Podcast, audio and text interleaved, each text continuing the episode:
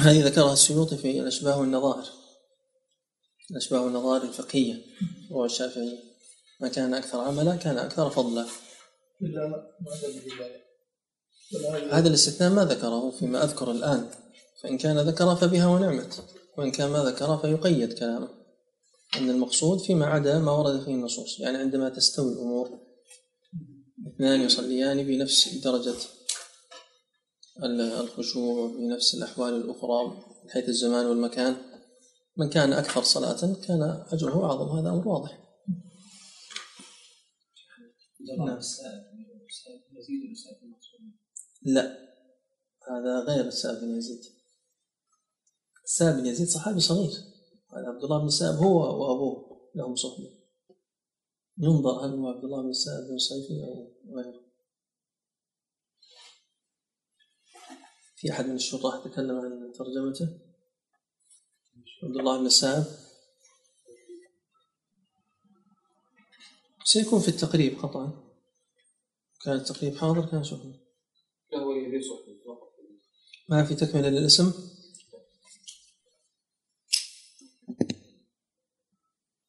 أبو جابر جهازك معك؟ شوف. عبد الله بن السائب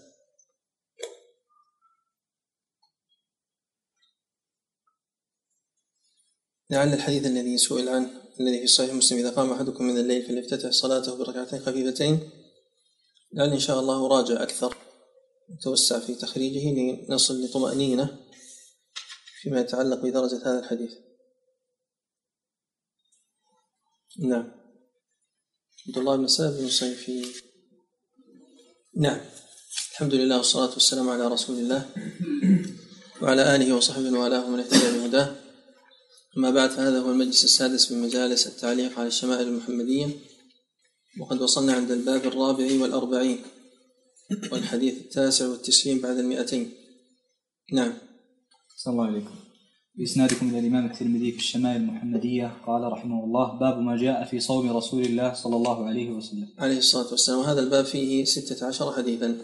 حدثنا قتيبة بن سعيد قال حدثنا حماد بن زيد عن أيوب عن عبد الله بن الشقيق عن قال سألت عائشة عن صيام رسول الله صلى الله عليه وسلم فقال كان يصوم حتى نقول قد صام ويفطر حتى نقول قد أفطر. وما صام رسول الله صلى الله عليه وسلم شهرا كاملا منذ قدم المدينة إلى رمضان. عندك المدينة؟ هذا الحديث رواه مسلم في عدم صيام شهر كامل غير رمضان ولا شعبان. فما جاء من الأحاديث الأخرى التي فيه صيام آه، شعبان المراد أغلبه. المراد أغلبه. وحديث متفق عليه. في الحقيقة متفق عليه.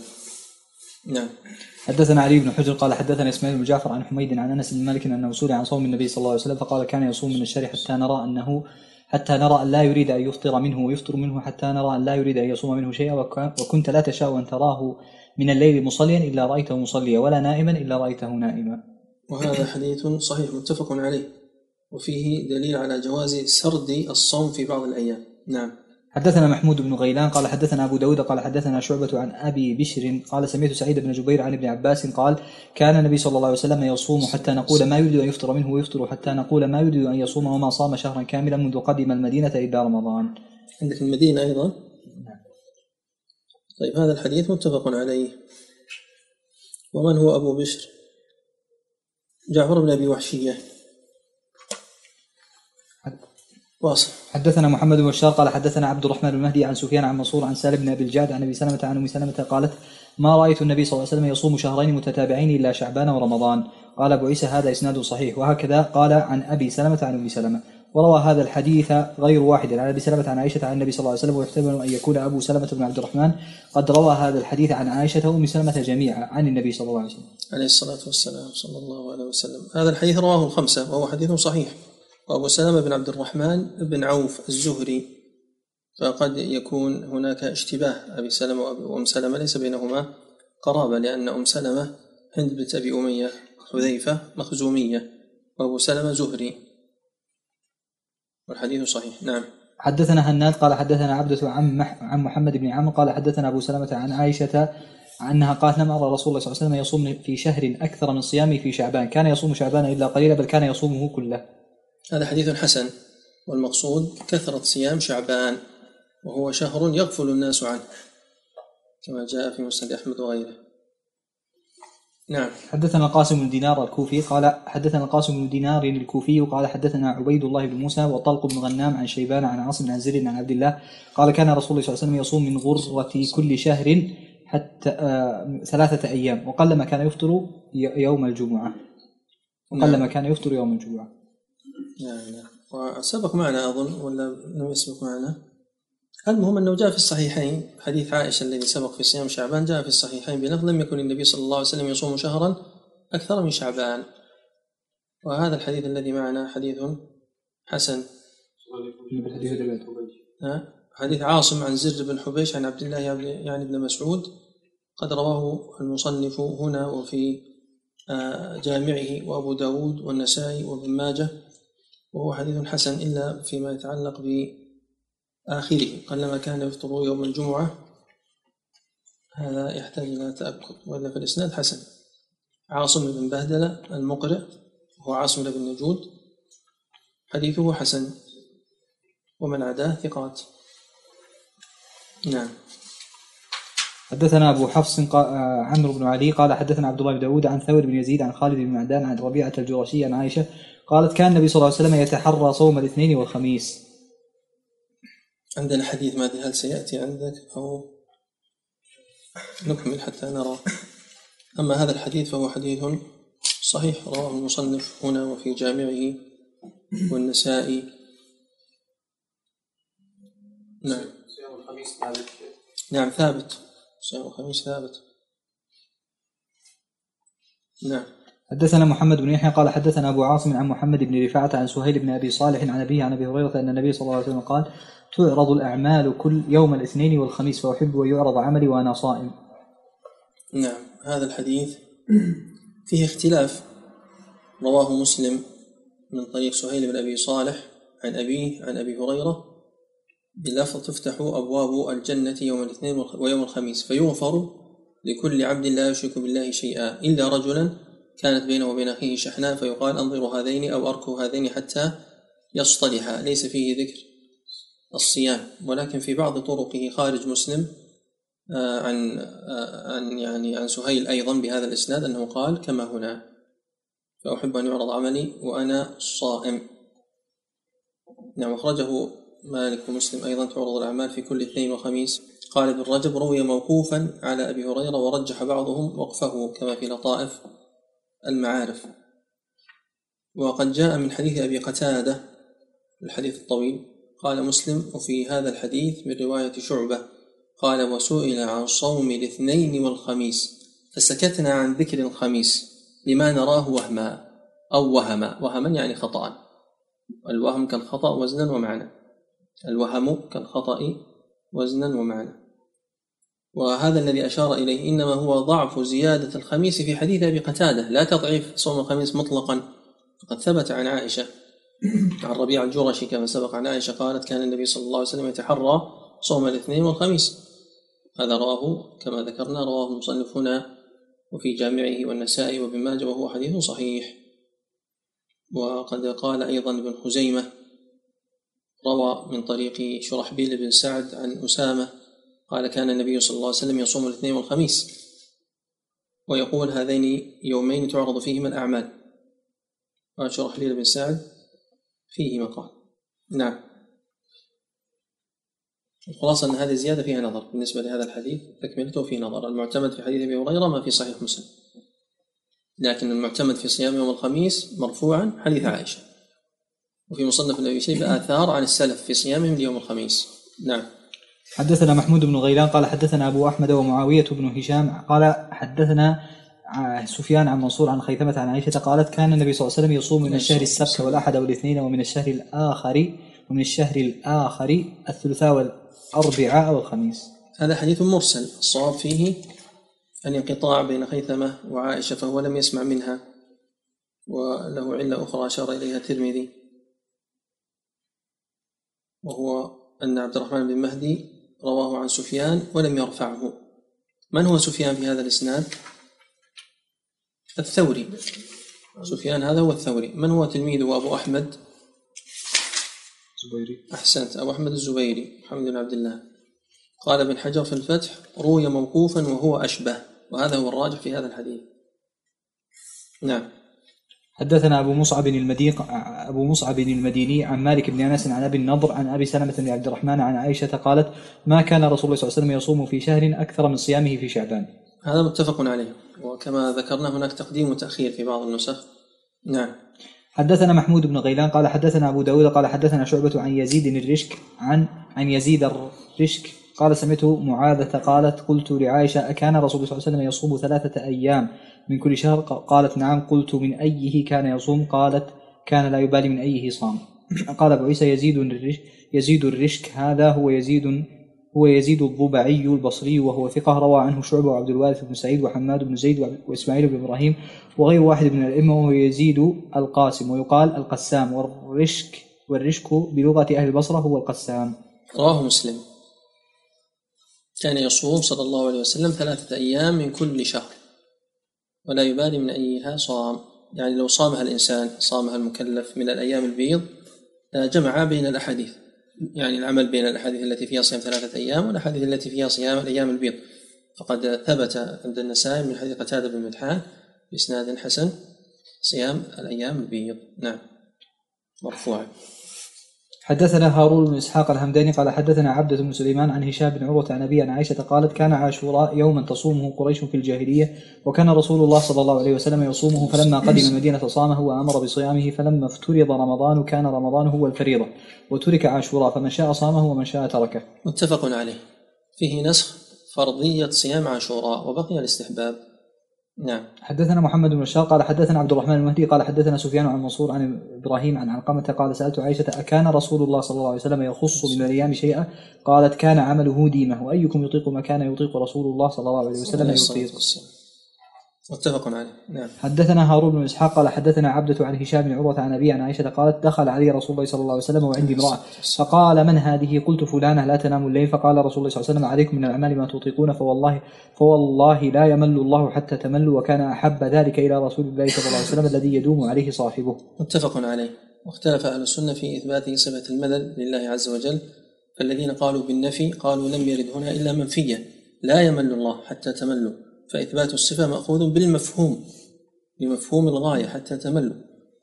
والذين قالوا بإثباتها نفوا عن الله المعنى القبيح في الملل الملل الذي هو ملل المخلوق الذي يكون سببا للضجر هذا منفي عنه سبحانه وتعالى وإنما هو ملل بمعنى الترك.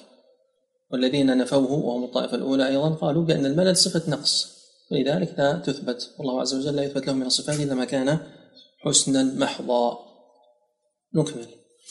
حدثنا أبو هشام محمد بن يزيد محمد بن يزيد الرفاعي قال حدثنا ابن فضيل عن الأعمش عن أبي صالح قال سألت عائشة وأم سلمة أي العمل كان أحب إلى رسول الله صلى الله عليه وسلم؟ قالتا ما ديم عليه وإن قل.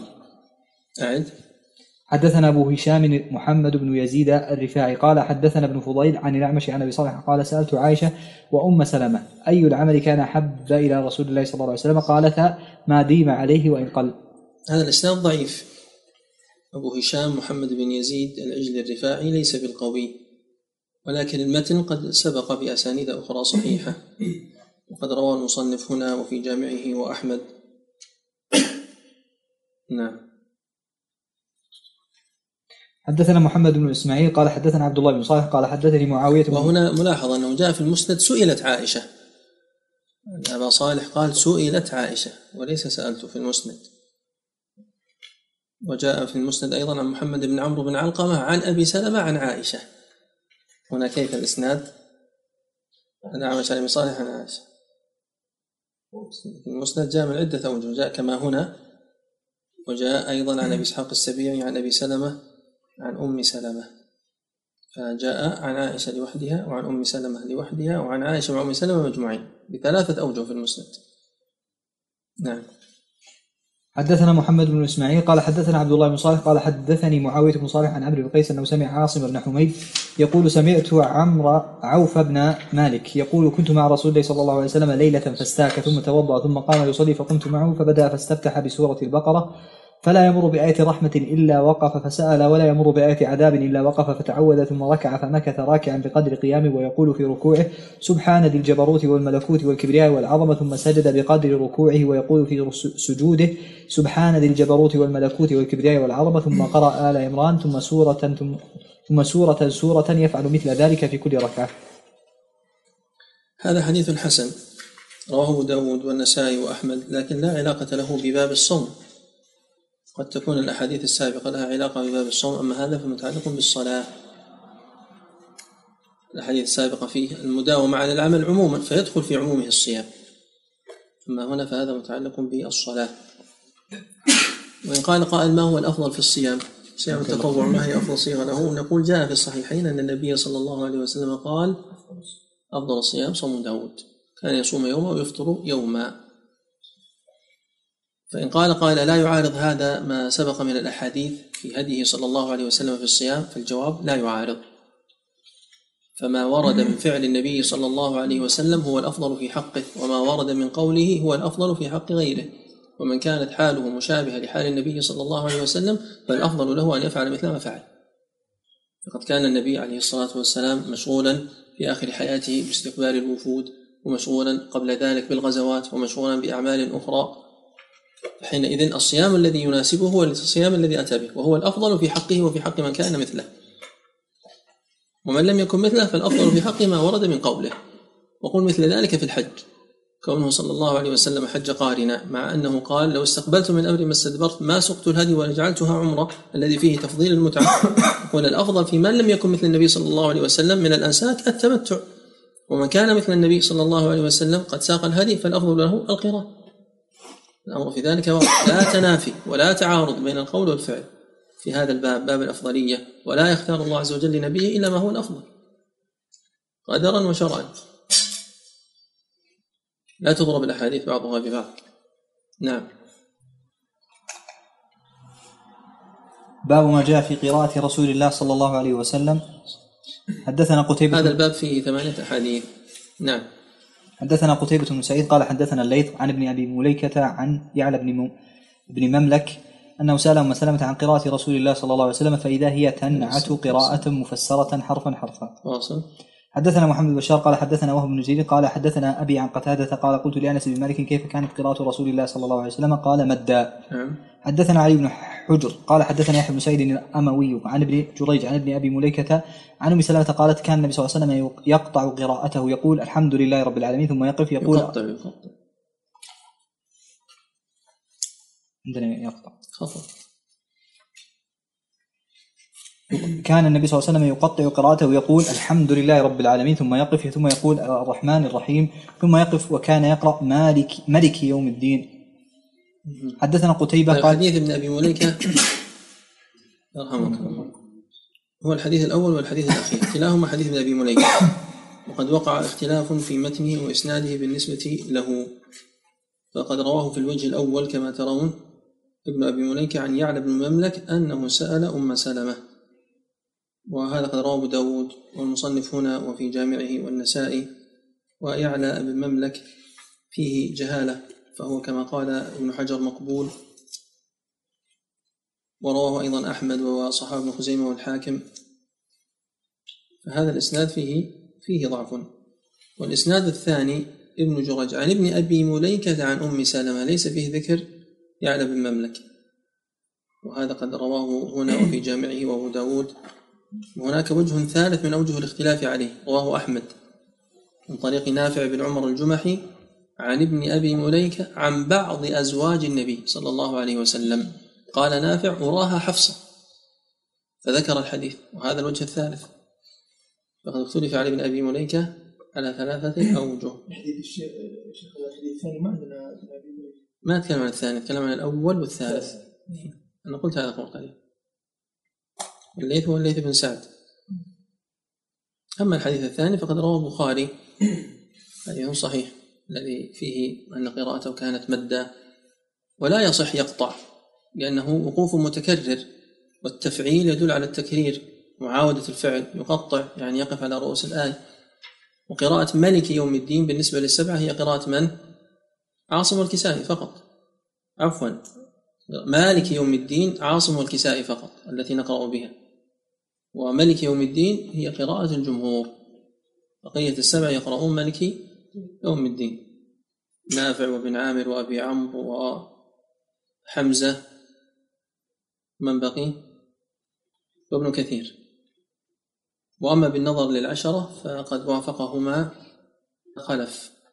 في السبعة اثنان فقط. حمزة وعاصم قرأوا مالك والبقية مالك قراءة الجمهور وهي ثابتة.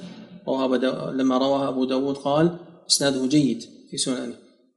غير هذا الحديث. نعم. وذكروا أيضا الدوري في القراءات قراءة النبي صلى الله عليه وسلم. نعم. حدثنا قتيبة قال حدثنا الليث عن معاوية بن صالح عن عبد الله بن أبي قيس قال سألت عائشة عن قراءة النبي صلى الله عليه وسلم أكان يسر بالقراءة أم يجهر؟ قال قالت كل كل ذلك قد كان يفعل قد كان ربما أسر وربما جهر. قلت الحمد لله الذي جعل في الأمر سعة. هذا رواه مسلم. والمقصود قراءة الليل يجوز في قيام الليل أن تسر وتجهر أما في النهار فتسر. وقد جاء مثل هذا السؤال عن ثلاثة ثلاثة سألوا عائشة مثل هذا السؤال. نعم. حدثنا محمود بن غيلان قال حدثنا وكيع قال حدثنا مسعر عن أبي العلاء العبدي عن يحيى بن جادة عن أم هانئ. طبعا قد يقول قائل أنا أقصد نفس هذه الصيغة. نفس هذه الصيغة. وبعدين يقول الحمد لله الذي جعل في الأمر ساعة ونحو ذلك. نعم. عن يحيى حدثنا محمود. حدثنا محمود بن غيلان قال حدثنا وكيع قال حدثنا مسعر عن أبي العلاء العبدي عن يحيى بن جادة عن أم هانئ قالت كنت أسمع قراءة النبي صلى الله عليه وسلم بالليل وأنا على عريشي. عليه الصلاة والسلام. هذا الحديث رواه النسائي وابن ماجه وأحمد وقد جاء من طريقين. وقال البوصيري هذا سند صحيح رجال وثقات. نعم. حدثنا محمود بن غيلان قال حدثنا أبو داود قال حدثنا شعبة عن معاوية بن قرة قال سمعت عبد الله بن المغفر يقول رأيت النبي صلى الله عليه وسلم على ناقته يوم الفتح وهو يقرأ انا فتحنا لك فتحا مبينا ليغفر لك الله ما تقدم من ذنبك وما تأخر. قال فرج فقرأ ورجع. قال وقال معاوية لولا يستمع الناس علي لأخذت لكم في ذلك الصوت أو قال اللحن. متفق عليه. الترجيع ترداد الصوت. حروف المدود يتأتى فيها الترجيع. تطريب واضطراب الصوت. وهذا إذا لم يكن فيه إذا لم يكن فيه مشابهة للحون العجم فهو جائز. هذا من التحبير والتحسين. نعم. حدثنا قتيبة بن سعيد قال حدثنا نوح بن قيس الحداني عن حسام بن عن حسام بن مصك عن قتادة قال ما بعث الله نبيا إلا حسن الوجه حسن الصوت وكان نبيكم صلى الله عليه وسلم حسن الوجه حسن الصوت وكان لا يرجع. ضعيف جدا في إسناده حسام بن مصك بن ظالم. ضعيف بل متروك ليس فقط مجرد ضعيف. وفي متنه مخالفة للحديث الصحيح السابق من أنه كان يرجع. وهو ضعيف إسنادا ومتنا نعم. حدثنا عبد الله بن عبد الرحمن قال حدثنا يحيى بن حسان قال حدثنا عبد الرحمن بن أبي الزناد عن عمرو بن علي عن عكرمة بن عباس قال عن عكرمة عن ابن عباس قال كانت قراءة النبي صلى الله عليه وسلم ربما يسمعها من في الحجرة وهو في البيت. نعم. شو الفرق بين الحجرة والبيت؟ هي داخل الحجرة داخل البيت ولا البيت داخل الحجرة؟ حجرة داخل البيت. ها؟ حجرة داخل البيت. أصغر غرفة صغيرة داخل البيت البيت بس أو زاد البيت داخل أيوه الحجرة محتجر ذلك ورد في الأحاديث الأخرى عن أفضل صلاة المرأة في البيت داخل نعم البيت هو مكان المبيت المكان الذي يبات فيه يعني ينام فيه. من بات يبيت. وكان للنبي صلى الله عليه وسلم صرحة يعني مثل الحوش في بيته. ولكن المقصود الحجرة مثل ما ذكر أبو جابر المكان الذي يحتجر. احتجره من المسجد ليصلي فيه. فلقربه من البيت كان يسمع. ولو لم يكن الإنسان يرفع صوته رفعا زائدا. على الإنسان تكون صلاته كما قال الله عز وجل ولا تجهر بصلاتك ولا تخافت بها وابتغ بين ذلك سبيلا. وهذا الحديث حديث حسن لأجل عبد الرحمن بن أبي الزناد. قد رواه أبو داود وأحمد أيضا. نعم. باب ما جاء في بكاء رسول الله صلى الله عليه وسلم. وهذا الباب فيه ستة أحاديث. حدثنا سويد بن نصر قال حدثنا عبد الله بن مبارك عن حماد بن سلمة عن ثابت عن مطرف وهو ابن عبد الله بن الشخير عن أبيه قال أتيت رسول الله صلى الله عليه وسلم وهو يصلي. ولجوفه أزيز كأزيز المرجل من البكاء. هذا حديث صحيح رواه أبو داود والنسائي وأحمد. وهذا الإسناد يدل على عدم تفرد يزيد بن هارون بزيادة من البكاء. هل في الإسناد يزيد بن هارون؟ والمتن فيه من البكاء ولا ما فيه؟ إذن لم ينفرد يزيد بن هارون بذلك خلافا لما قاله عبد الله بن أحمد. لما روى المسند وذكر هذا الحديث قال أن يزيد بن هارون شيخ أحمد انفرد بكلمة من البكاء نعم. حدثنا محمود بن غيلان قال حدثنا معاوية بن هشام قال حدثنا سفيان عن أعمش عن إبراهيم عن عبيدة عن عبد الله بن مسعود رضي الله عنه قال قال لي رسول الله صلى الله عليه وسلم اقرأ علي فقلت يا رسول الله أقرأ عليك وعليك أنزل فقال إني أحب أن أسمعه من غيري فقرأت سورة النساء حتى بلغت وجئنا بك على هؤلاء شهيدا. قال فرأيت عيني النبي صلى الله عليه وسلم تهملان. هذا حديث متفق عليه. وتهملان أي تذرفان وتفيضان بالدموع. نعم. حدثنا قتيبة قال حدثنا جرير عن عطاء بن السابع عن أبيه عن عبد الله بن عمرو قال انكسفت الشمس يوما على عهد رسول الله صلى الله عليه وسلم فقام رسول الله صلى الله عليه وسلم يصلي حتى لم يكد يركع ثم ركع. فلم يكد يرفع رأسه ثم رفع رأسه. فلم يكد أن يسجد ثم سجد. فلم يكد أن يرفع رأسه ثم رفع رأسه. فلم يكد أن يسجد ثم سجد فلم يكد أن يرفع رأسه فجعل ينفخ ويبكي ويقول ربي ألم تعدني ألا تعذبهم وأنا فيهم؟ ربي ألم تعدني ألا تعذبهم؟ وهم يستغفرون ونحن نستغفرك. فلما صلى ركعتين انجلت الشمس إن فلما صلى ركعتين انجل انجلت الشمس فقام فحمد الله تعالى وأثنى عليه ثم قال إن الشمس والقمر آيتان من آيات الله. لا ينكسفان لموت أحد ولا لحياته فإن انكسفا فافزعوا إلى ذكر الله تعالى. هذا الحديث رواه أبو داود وتوسع في ذكر صفات صلاة الكسوف. واعتنى بذلك عناية واضحة مع التبويب وذكر من قال بذلك. وأيضا رواه النسائي وفي إسناده كما ترون عطاء بن السائب وقد اختلط وروى عنه حماد بن سلمة وسفيان وشعبة قبل الاختلاط قديما. جرير جرير بن عبد الحميد الضبي. من هو؟ قبل الاختلاط. متأكد. المهم أن المتن كما تلاحظون فيه ركوع واحد والأصح أنه ركع ركوعان كما هي رواية الجمهور. ها؟ سماع بعد الاختلاف. سماع جرير بعد الاختلاط ها. جرير بعد الاختلاط الذين سمعوا قبل الاختلاط عشرة وقيل سبعة.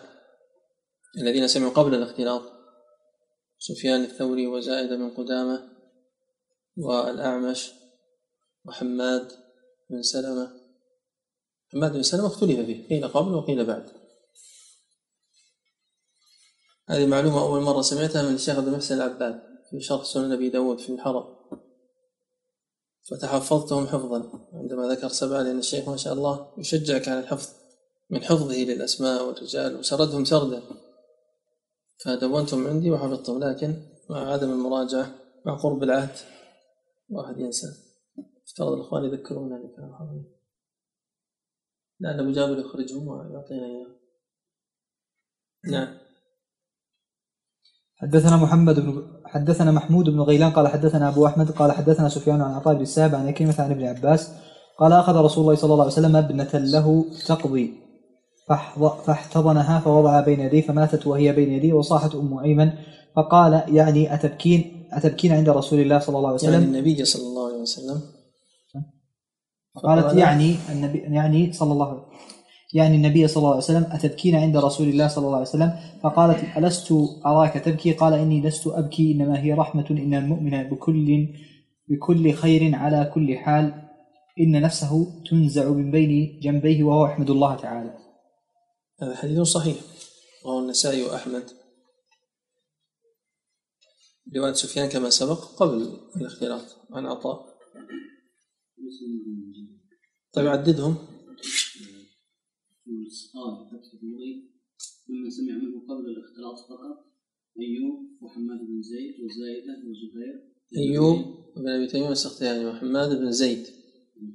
بن زيد وزايدة. وزاد بن قدامة. وزهير. زهير بن حرب. زهير بن معاوية الجعفي. نعم. وابن عيينة. سفيان بن عيينة. والثوري. والثوري يعني سفيان وشعبة ووهيب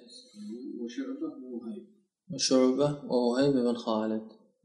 طيب هؤلاء ثمانية والأعمش هو التاسع وهذه فائدة ذكرها ابن حجر في نتائج الأفكار وانفرد بها. نعم. ممن سمع بعده إسماعيل وج- وجرير نص على جرير جرير عبد الحميد بعد الاختلاط. إسماعيل بن علي بعد الاختلاط.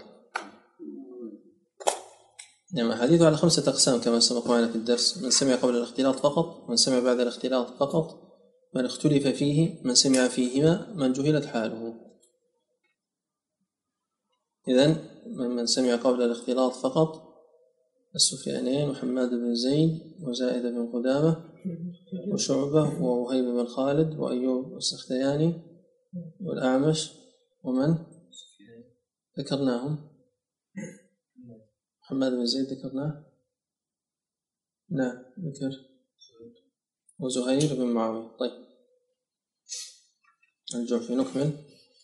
حدثنا محمد بن حدثنا محمد بن بشار قال حدثنا عبد الرحمن بن مهدي قال حدثنا سفيان عن عاصم بن عبيد الله عن القاسم بن محمد عن عائشة أن رسول الله صلى الله عليه وسلم قبل عثمان بن مظعون وهو ميت وهو يبكي أو قال عيناه تهرقا تهراقان. ميت يعني قد مات. تهرقان يعني تسيلان وتدمعان وهذا حديث رواه المصنف هنا وفي جامعه وابو داود بن ماجه وهو ضعيف لأن فيه عاصم بن عبيد الله وعاصم ضعيف وقد صححه الحاكم. وقال الهيثمي واسناده حسن. نعم. لكن جاء في صحيح البخاري أن النبي صلى الله عليه وسلم عندما توفي قبله أبو بكر رضي الله عنه وقال طبت حيا وميتا. نعم. حدثنا إسحاق بن منصور قال أخبرنا أبو عامر قال حدثنا فليح وابن سليمان عن هلال بن علي عن أنس مالك قال شهدنا ابنة لرسول الله صلى الله عليه وسلم ورسول الله جالس على القبر فرأيت عينيه تدمعان فقال أفيكم رجل لم يقارف الليلة؟ قال أبو طلحة أنا قال انزل فنزل في قبرها. هذا الحديث رواه البخاري ولم يقارف يعني لم يأتي أهله حتى لا يتذكر مثل هذا. ولابن حزم كلام هنا في الرد على من يقول لم يقارف يعني لم يذنب وأن أبا طلحة لا يمكن أن يزكي نفسه بذلك. وأبو طلحة الأنصاري اسمه زيد بن سهل الأنصاري النجاري. زيد بن سهل. حتى لا يشتبه أو يختلط عليك اسمه احفظ هذا البيت. أنا أبو طلحة واسمي زيد وكل يوم في سلاحي صيد. أنا أبو طلحة واسمي زيد وكل يوم في سلاحي صيد يجوز النصب ويجوز الرفع. نعم. خاص ولا في كل دفن امرأة؟ الله أعلم. المهم أن زوجها كان حاضرا وهو عثمان رضي الله عنه وهي أم كلثوم رضي الله عنها كما في فتح الباري. نعم. باب ما جاء في فراش رسول الله صلى الله عليه وسلم. عليه الصلاة والسلام. هذا الباب فيه حديثان. نعم. حدثنا علي بن حجر قال حدثنا علي بن مسهر عن هشام بن عروة عن أبيه عن عائشة قالت إنما كان فراش رسول الله صلى الله عليه وسلم الذي ينام عليه من أدم حشوه ليف وهذا حديث متفق عليه. من أدم يعني من جلد. حشوه ليف الليف المعروف. نعم. حدثنا أبو الخطاب زياد بن يحيى البصري قال حدثنا عبد الله بن ميمون قال حدثنا جعفر بن محمد عن أبيه قال سئلت عائشة رضي الله عنها ما كان فراش رسول الله صلى الله عليه وسلم في بيتك؟ قالت من آدم حشوه ليف وسئلت حفصة رضي الله عنها ما كان فراش رسول الله صلى الله عليه وسلم في بيتك؟ قالت مسحا نثنيه. نثنيه ثنيتين فينام عليه. فلما كان ذات ليلة قلت لو ثنيتيه أربع آه، ثنيات ثنيات كان أوطأ له فثنيناه له بأربع ثنيات فلما أصبح قال ما فرشتم لي الليلة؟ قلت إن هو فراشك. قال ألا إلا أن ثنيناه إلا أن ثنيناه. قلنا هو. قلنا هو فراشك إلا أن فراشك. قلنا هو فراشك إلا أن ثنيناه بأربع ثنيات قلنا هو أوطأ لك. قال رده لحالته الأولى. فإنه منعني فإنه منعتني وطأته صلاتي الليلة.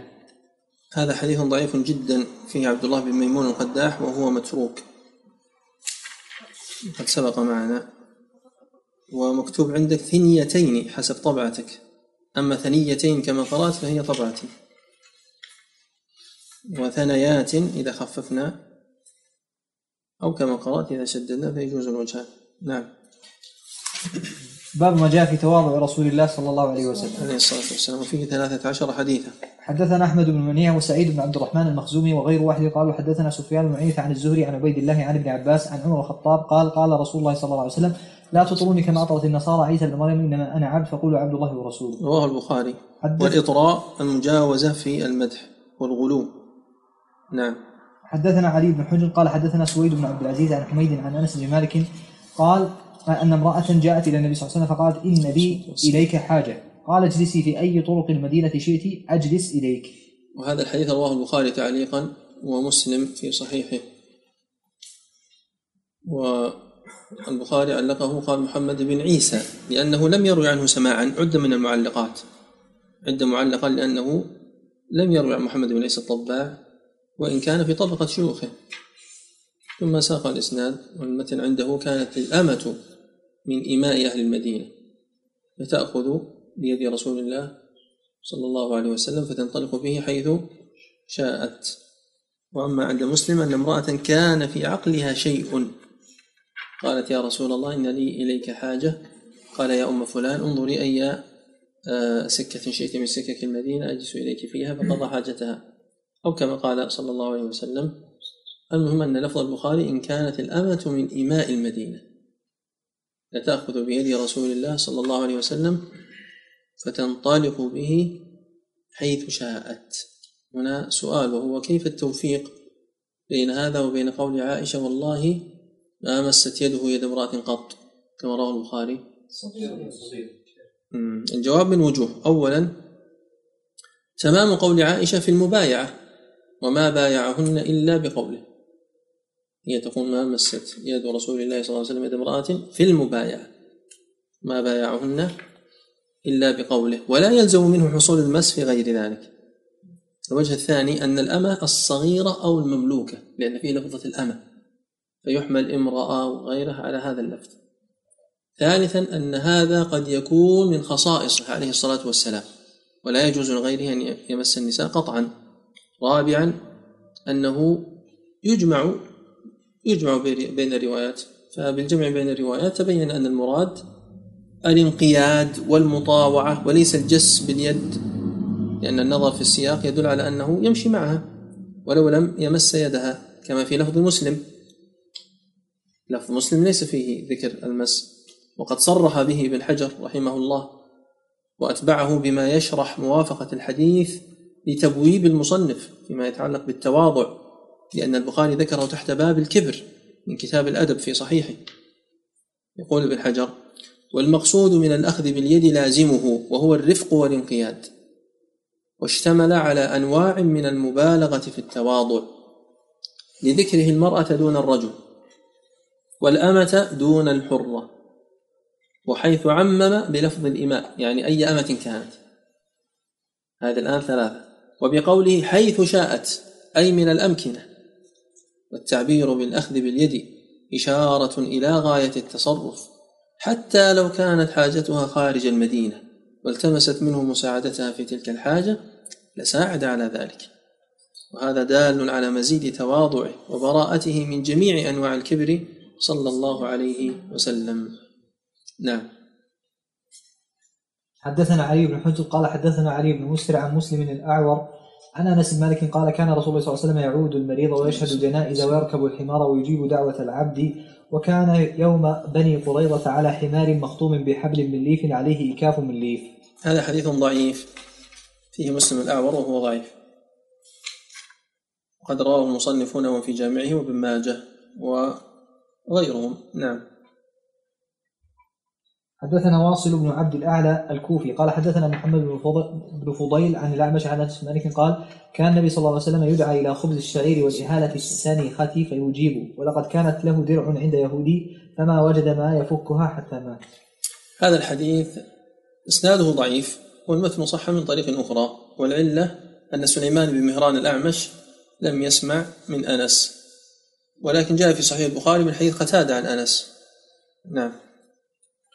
حدثنا محمود بن غيلان قال حدثنا أبو داود الحفري عن سفيان عن الربيع بن صبيح عن يزيد بن أبان عن أنس مالك قال حج رسول الله صلى الله عليه وسلم على رحل رث وعليه قطيفة لا تساوي أربعة دراهم فقال اللهم اجعله حجا لا رياء فيه ولا سمعه. حديث إسناده ضعيف جدا والمتن صح من طريق أخرى اولا يزيد بن أبان الرقاشي متروك ثانيا الربيع بن الصبيح صدوق سيء الحفظ ولكن جاء في البخاري من طريق عزرة بن ثابت عن ثمامة بن عبد الله قال حج أنس على رحل ولم يكن شحيحا وحدث أن رسول الله صلى الله عليه وسلم حج على رحل وكانت زاملته وجاء من طرق أخرى نعم حدثنا عبد الله بن عبد الرحمن قال حدثنا عفان قال حدثنا حماد بن سلمة عن حميد عن بن مالك قال لم يكن شخص أحب اليهم من رسول الله صلى الله عليه وسلم قال وكانوا إذا رأوه لم يقوموا لما يعلمون من كراهيته لذلك. هذا حديث صحيح. رواه البخاري في الأدب المفرد وأحمد. نعم.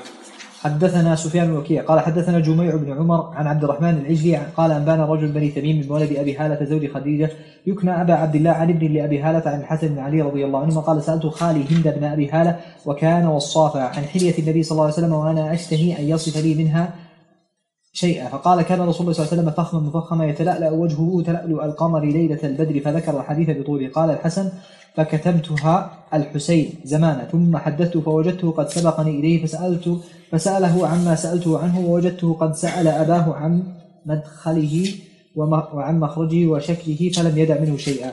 قال الحسين فسألت أبي عن دخول رسول الله صلى الله عليه وسلم فقال كان إذا آوى إلى منزله جز أوى.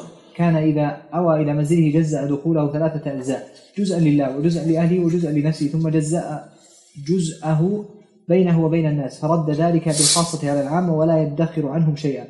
وكان من سيرته في فرد عندك؟ رد؟ فرد. طيب في نسخة فيرد. يرد. فيرد عندكم؟ ما نسخكم؟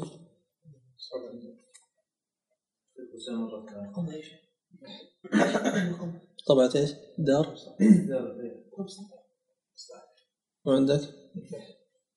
الفحل إيش؟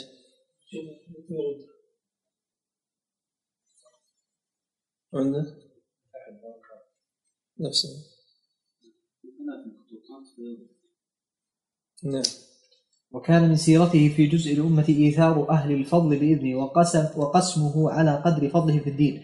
فمنهم ذو الحاجة ومنهم ذو الحاجتين ومنهم ذو الحوائج فيتشاغل بهم ويشغلهم فيما أصلحهم. والأمة من مسألتهم آه، فيما وكان من سيرته.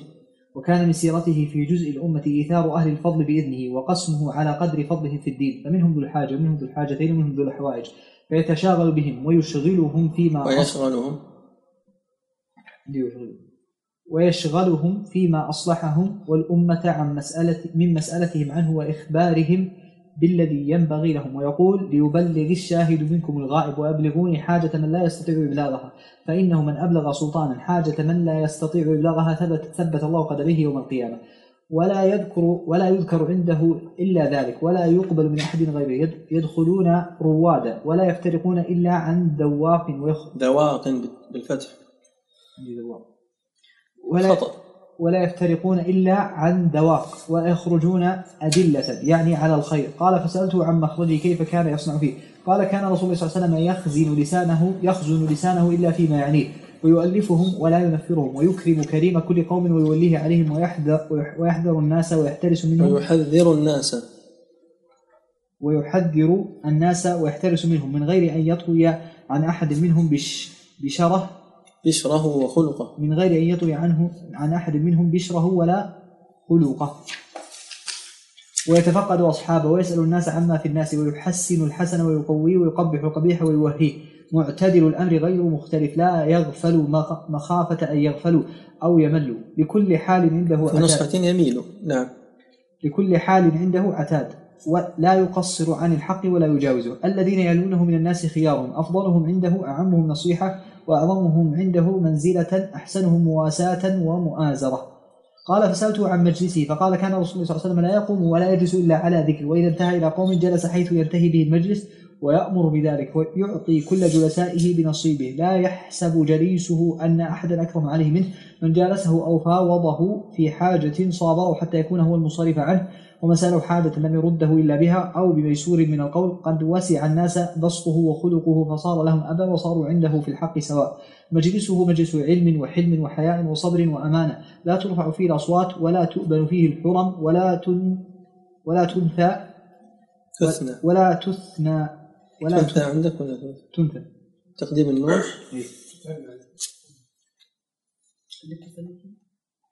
كذا ضبطها؟ ولا تنثى فلتاته متعادلين بل يعني كان سبق معنا كلمة تشبهها سنأتي في الشرح إن شاء الله. نعم. ولا تنثى فلتاته متعادل متعادلين بل كانوا يتعاطفون فيه بالتقوى متواضعين يوقرون فيه الكبير ويرحمون فيه الصغير ويؤثرون ذا الحاجة ويحفظون الغريب. طيب. هذا حديث ضعيف. وسبق معنا ما علته جبير بن عمر. نعم جميع بن عمر. وسفيان أيضا وأغلب ألفاظه واضحة وبعضها قد سبق معنا. وفيه أن الإنسان في بيته يقسم وقته وقت للعبادة ووقت لمؤانسة الأهل ووقت لحاجته في نفسه إن كان يريد أن ينام أو يصنع شيئا أو عملا. وفي جلوسه للعامة أيضا يكون عنده حكمة في التعامل معه ما معنى يرد ذلك بالخاصة على العامة يعني يهتم بأمر الخاصة وشأنهم وقضاء حاجتهم على أمر العامة وحاجتهم إذا تساوت الحاجتان. إذا كانت حاجة الرجل من العامة أولى بالنظر قدمه على الخاصة. نعم هذا في تقسيم الناس أن الناس خاصة وعامة لو كان الحديث صحيح. ولا إله إلا الله ماذا بقي من ألفاظه؟ يقول ليبلغ الشاهد منكم الغائب وأبلغون حاجة من لا يستطيع إبلاغها. هذا جاء في صحيح البخاري إن لم يكن متفقا عليه أن النبي صلى الله عليه وسلم قال اشفعوا تؤجروا ويقضي الله على لسان رسوله. ما يشاء أو ما أحب. إنما أنا قاسم والله معطي. لا يفترقون إلا عن ذواق يعني طعام أو شراب. ضيافة. يخزن لسانه يعني يحفظ لسانه ويصون لسانه. لا يطوي بشره يعني أنسه ورهابة وجهه. يتفقد أصحابه يسألهم عن أحوالهم وأمورهم. هذا لا يعتبر من ماذا؟ كما يظن بعض الناس لا يعتبر من اللقافة أو من الكلام فيما لا يعنيه وإنما هذا من الأنس والبشر والاهتمام. أن تسأل صاحبك عن أموره لكن لا يكون الإنسان يسأل عن أشياء لا حاجة له فيها أو أشياء محرجة وإنما يسأل الأسئلة المعتادة. فيراعي الإنسان في هذا الأدب. لا يكون الإنسان لا يسأل ولا يبالي ولا يكون الإنسان يسأل عن الدقائق والتفاصيل التي لا تعني. خير الأمور الوسط حب التجافي غلط. وكما هنا معتدل الأمر غير مختلف. ومن الأشياء الجميلة أنه يحسن الحسن ويقويه ويقبح القبيح ويوهي هذه من الأشياء الجميلة. بعض الناس يعجب بالشيء لكن ما يتلفظ. شحيح في المدح وفي الكلام. طيب إذا رأى شيء حسن شجع. ما يمنع أن تقول أن هذا الحسن حسن سواء كان من ابن أو من أخ أو من غير ذلك. أو حتى شخص ليس بحاضر ينقل عنك أنه فعل شيئا حسنا تمدحه وتثني عليه. يقبح القبيح ويوهيه إلى آخر ما جاء في الكلام. أما تنثى فلتاته وتثنى وتثنى هذه الضبوط الثلاثة فأولا الفلتة هي الزلة. فالسياق يدل على ماذا؟ لا تؤبن فيه الحرم يعني إيش؟ يؤبن يعني أبنه بمعنى رماه بالشيء رماه بالوصف القبيح. والحرم جمع حرمات لا تثنى فلتاته يعني لا تشاع ولا تنشر. إذا قلنا تنثى إذا قلنا تنثى بتقديم النون. وإذا قلنا تثنى لا يبلغ المؤمن من جحر مرتين. يعني لا يستطيع أن يعد عليه العاد فلتة ثانية إن وجدت. وقد يستعمل هذا الأسلوب بمعنى النفي أنه لا يوجد أصلا. الله عز وجل يعصمه من مثل هذه الفلتات. نعم. ولعلكم تراجعون الشروح حتى ننظر؟ نستفيد. واصل. حدثنا محمد بن عبد الله بن بزيع بن بزيع قال حدثنا بشر بن مفضل. قال حدثنا سعيد عن قتادة عن أنس مالك. قال قال رسول الله صلى الله عليه وسلم لو أهدي إلي كراع لقبلت ولو دعيت عليه لأجبت. أو دعيت عليه ها؟ نعم. طبعا البخاري رواه من حديث أبي هريرة. أما هذا فمن حديث أنس وهو صحيح أيضا. قد رواه المصنف هنا وفي جامعه وصححه. ورواه أحمد وصححه ابن حبان. والكراع يعني رجل الشاة أو ما يكون عليه من اللحم. ولو دعيت عليه لأجبت. واضح نعم. حدثنا محمد بن بشار قال حدثنا عبد سواء الرحمن كان شاة أو غيره من الحيوانات. المقصود أنه إذا دعي إلى طعام لكن كأنه يقصد بذلك ولو كان يسيرا. نعم. حدثنا محمد بن بشار قال حدثنا عبد الرحمن قال حدثنا سفيان عن محمد بن المنكدر عن جابر قال جاءني رسول الله صلى الله عليه وسلم ليس براكب بغل ولا بردون حدث هذا الحديث رواه البخاري. والبردون من الدواب. نوع مهجن من الخيول. نعم. حدثنا عبد الله بن عبد الرحمن. قال حدثنا أبو نعيم. قال أنبأنا يحيى بن أبي الهيثم العطار. قال سمعت يوسف بن عبد الله بن سلام. قال سماني رسول الله صلى الله عليه وسلم يوسف وأقعدني في حجري ومسح على رأسي. وقعدني في حجره. نعم. حجره أو حجره. وهو حديث صحيح. نعم. حدثنا إسحاق بن منصور قال حدثنا أبو داود الطيالسي قال حدثنا الربيع وهو ابن صبيح قال حدثنا يزيد بن الرقاشي عن أنس بن مالك قال أن رسول الله صلى الله عليه وسلم حج على رحل رث وقطيفة. كنا نرى كنا نرى انها ان كنا نرى ثمنها أربعة دراهم. فلما استوت بي راحلته قال لبيك بحجة لا سمعة فيها ولا رئاء. سبق معنا أنه ضعيف جدا لأجل الرقاشي. نعم. حدثنا إسحاق بن منصور قال حدثنا عبد الرزاق قال حدثنا معمر عن ثابت البناني وعاصم بن الأحول عن أنس مالك قال أن رجلا خياطا دعا رسول الله صلى الله عليه وسلم فقرب له ثريدا عليه دباء فكان رسول الله صلى الله عليه وسلم يأخذ الدباء وكان يحب الدباء. قال ثابت فسمعت أنس يقول فما صنع لي طعام أقدر على أن يصنع فيه دباء إلا صنع. سبق. هذا متفق عليه. نعم. حدثنا محمد بن إسماعيل قال حدثنا عبد الله بن صالح قال حدثني معاوية بن صالح عن يحيى بن سعيد عن عمرة قالت قيل لعائشة ما كان يعمل رسول الله صلى الله عليه وسلم في بيته؟ قالت كان بشرا من البشر يفدي ثوبه ويحلب شاته ويختم نفسه. محمد بن إسماعيل من هو؟ نعم وقد رواه البخاري في الأدب المفرد. عن عبد الله بن صالح عن معاوية بن صالح بهذا الإسناد وهو حديث صحيح. فإن قال قائل عبد الله بن صالح سيء الحفظ فالجواب أن هذا الحديث قد رواه ثلاثة عبد الله بن صالح والليث بن سعد وعبد الله بن وهب المصري كلهم عن معاوية بن صالح به فهو حديث صحيح. وأما الإسناد فحسن. والبخاري روى في صحيحه من طرق عن شعبة عن الحكم عن إبراهيم عن الأسود.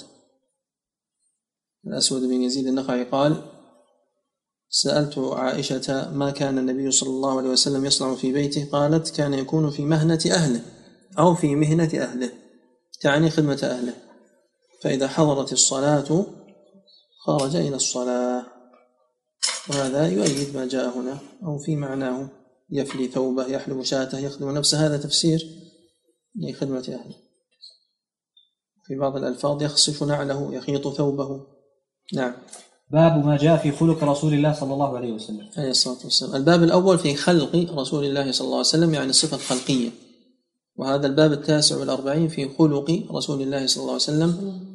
يعني الحلية والأخلاق المعنوية وسبق شيء منها كالتواضع وغيره. الثامن والتاسع. عندي التاسع والأربعين عندكم الثامن والأربعين اختلاف النسخ. باب صلاة باب صلاة الضحى لم يذكره وذكره تبويبا. عده أنا عندي زيادة. أنا عندي أكثر من اللي عندك. كيف ما يعد؟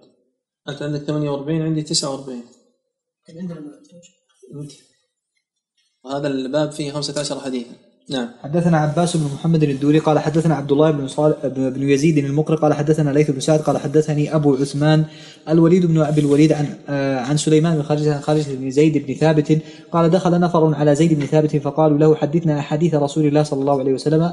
قال ماذا أحدثكم؟ كنت جارا فكان إذا نزل عليه الوحي بعث إلي فكتبته فكنا إذا ذكرنا الدنيا ذكرها. فكتبته له.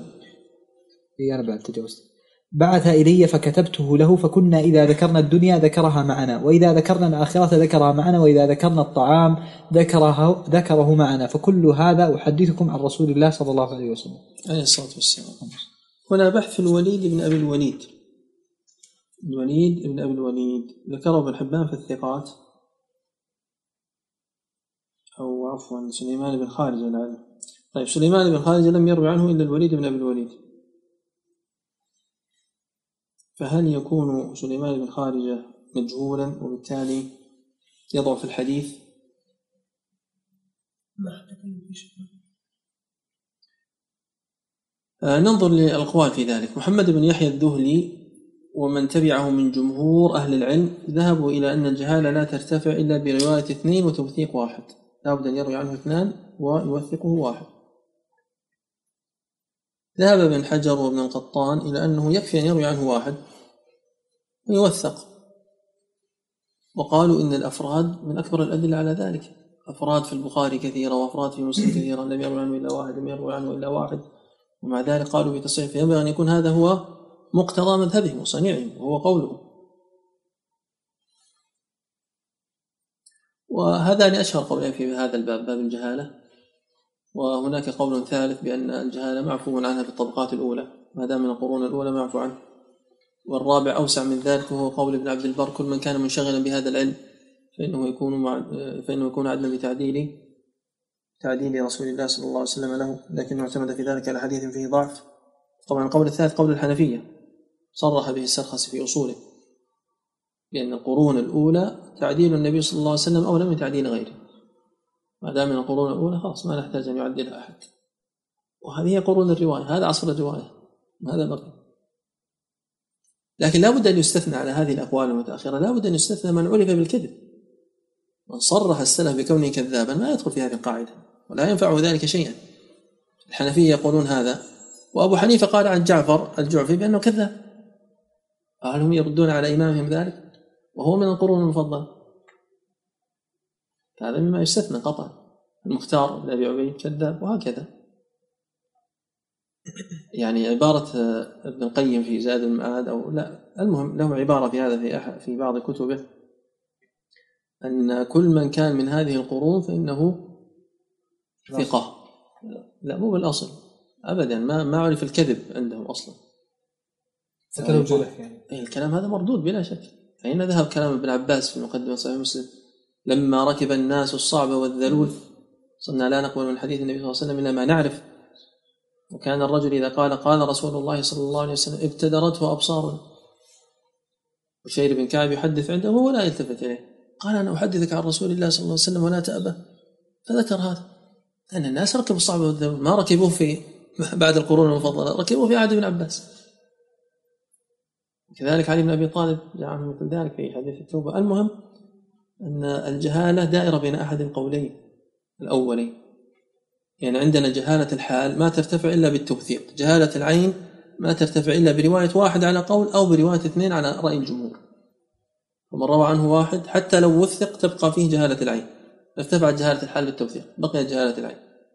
روى عنه اثنان فصاعدا ما وثق ارتفعت عنه جهالة العين. بقيت جهالة الحال. لكن الذهبي وابن كثير لهم قاعدة جميلة في ذلك وهي أن التابعين كبار التابعين كبار التابعين وأواسطهم لا نحتاج إلى التوثيق نصا غالبا إذا لم يظهر من الحديث المكاره يعني أن الجهالة تغتفر في مثل هذه الطبقة بسبب القرون المفضلة وبسبب أن مثل هذه الطبقة عادة لم يكن فيه الجرح والتعديل مثل ما حصل بعد ذلك المهم أن باب الجهالة باب دقيق الجهالة أنواع كما ذكرنا الآن جهالة إيش؟ الحال والعين واضحة لكم ها؟ في جهالات أخرى قد لا يتطرق لها العلماء كثيرا. كجهالة التعيين وجهالة الإسلام وجهالة البلوغ وجهالة العقل وجهالة الضبط. أما جهالة العدالة فهي ترادف جهالة الحال. إذا قال ابن حجر مستور معناه مجهول الحال. في تقريب التهذيب. فإذا عاملنا سليمان بن خارجة بن زيد الأنصاري على القول الأول فإنه يكون مجهولا ويكون الحديث ضعيفا. إذا أخذناه بالقول الثاني فإنه يكون صحيحا أو حسنا على الأقل خاصة أنه يروي عن أبيه خارجة وخارجة بن زيد من الفقهاء السبعة. لماذا كان الفقهاء سبعة وهم ألوف مؤلفة؟ نعم اجتمعوا في عصر واحد في مصر واحد. على خلاف في عددهم. لأنه كان في ذلك العصر والمصر أيضا غيرهم لكن اصطلحوا على ذلك. اصطلحوا على ذلك. إذا قيل من في الناس سبعة أبحر روايتهم ليست عن العلم خارجة فقل هم عبيد الله عروة قاسم سعيد أبو بكر سليمان خارجة. هذا يحسن أن يحفظه طالب العلم. طيب. ما هي كنية عبد الله بن يزيد المقرئ؟ سألت عن كنيته لأن أحمد دائما يذكره بالكنية في المسند هو شيخ لأحمد هناك باب اسمه باب الكنى. أبو عبد الرحمن. أبو عبد الرحمن. نعم نعم. فأنا متوقف في هذا الحديث ما أدري هل هو صحيح أو حسن. ضعيف أو حسن الله أعلم. شيخنا المتن هل في شيء من النكره؟ لا ما في نكارة بالعكس. إذا صح نقول بهذا المثل. بلا إشكال بالعكس.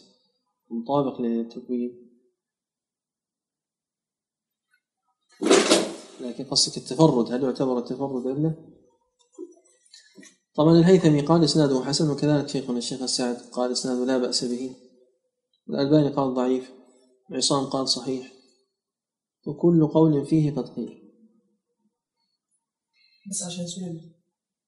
نعم في سليمان وفي الوليد الوليد يعني جهالة الوليد أيضا. ابن حجر قال مقبول عن الوليد بن أبي الوليد. وابن حبان قال إيش؟ ربما خالف على قلة روايته. البحث الجهاد شيخ سفيان الخارجة ولا كذلك شيخ؟ ما أسمعك. البحث في سفيان الخارجة فقط. كلام السابق تكلم أجبنا عن هذا قبل قليل. نعم الوليد وشيخ سليم كلاهما. لكن الأمر في الوليد أقل لأنه وثقه اثنان. نعم. وقل هم سعيد وعبيد الله وعروة قاسم. يقين من في العلم سبعة أبحر روايته ليست عن العلم خارجة. فقل هم عبيد الله عروة قاسم. سعيد أبو بكر سليمان خارجة. وعبيد الله بن عبد الله بن عتبة بن مسعود الهذلي عروة بن الزبير بن العوام الأسدي قاسم بن محمد بن بكر الصديق التيمي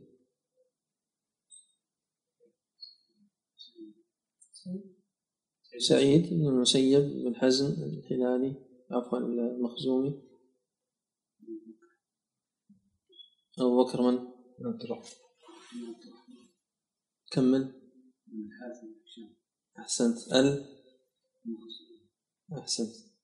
أبو بكر بن عبد الرحمن بن الحارث بن هشام المخزومي. سليمان هو الذي معنا. عفوا سليمان بن يسار. سليمان بن يسار هو الوحيد المولى منهم. والبقية قرشيون وأنصار. خارج بن زيد بن ثابت. نعم. حدثنا إسحاق بن موسى قال حدثنا يونس بن بكير عن محمد بن إسحاق عن زياد بن أبي زياد عن محمد بن كعب القرظي عن عمرو بن عاص. قال كان رسول الله صلى الله عليه وسلم يقبل بوجهه وحديثه على أشر القوم يتألفهم بذلك فكان يقبل بوجهه وحديثه على علي حتى ظننت أني خير القوم. فأني خير القوم فقلت يا رسول الله أنا خير أو أبو بكر؟ فقال أبو بكر. فقلت يا رسول الله أنا خير أو عمر؟ فقال عمر. فقلت يا رسول الله أنا خير أو عثمان؟ فقال عثمان. فلما سألت رسول الله صلى الله عليه وسلم فصدقني فلوددت أني لم أكن سألته. يعني بالنظر للإسناد الإسناد سليم لأن هذا زياد بن أبي زياد وليس يزيد. يزيد هو ضعيف. لكن بالنظر للمتن يشكل عليه أن هذا الحديث قد جاء في الصحيحين وغيرهما. عن عمرو بن العاص بأوجه أخرى. وذلك أن النبي صلى الله عليه وسلم بعثه على جيش ذات السلاسل وفي الجيش أبو بكر وعمر. فلما رجع سأل النبي صلى الله عليه وسلم من أحب الناس إليك؟ قال عائشة. قال فمن الرجال؟ قال أبوها. قال ثم من؟ قال عمر. في بعض الروايات فعد رجالا في بعض الروايات فسكت. فبين الخبرين قد يكون هناك تعارض من جهة زيادة عثمان. أما عدم ذكر عائشة في هذا فلا تعارض لأنه قد يختصره الراوي بالنظر لكونه قال فمن الرجال. قد يرويه بالمعنى. وقد يرويه أيضا بالمعنى فيقول أنا خير أم عمر؟ وفي الرواية الأخرى إيش؟ من أحب الناس إليك. ويبعد أن يجاب بهذا الجواب ثم يعود في غزوة أخرى ويكرر السؤال حتى نقول بتعدد الحوادث. هذا بعيد جدا هي حادثة واحدة. رواية خالد الحذاء عن أبي عثمان النهدي عن عمرو بن العاص في الصحيحين وغيرهما. قد تكون هي الأولى بحكم كونها في الصحيحين. باللفظ السابق عائشة أبو بكر عمر. رواية إسماعيل بن أبي خالد عن قيس بن أبي حازم عن عمرو عند ابن أبي شيبة وابن حبان. وكذلك رواية المغيرة الضبي عن الشعبي عن عمرو عند الحاكم فيها عائشة وأبو بكر فقط. فلا تنافي رواية أبي عثمان بناء على أنه حصل اختصار. بقي رواية الجريري عن عبد الله بن شقيق عن عمرو هذه عند ابن حبان. فيها عائشة قال ثم من؟ قال أبو بكر قال ثم من؟ أو قال فمن الرجال؟ قال أبو بكر قال ثم من؟ قال عمر ليس ثم من عفوا. أي نعم ثم من؟ قال أبو عبيدة بن الجراح أحسنت.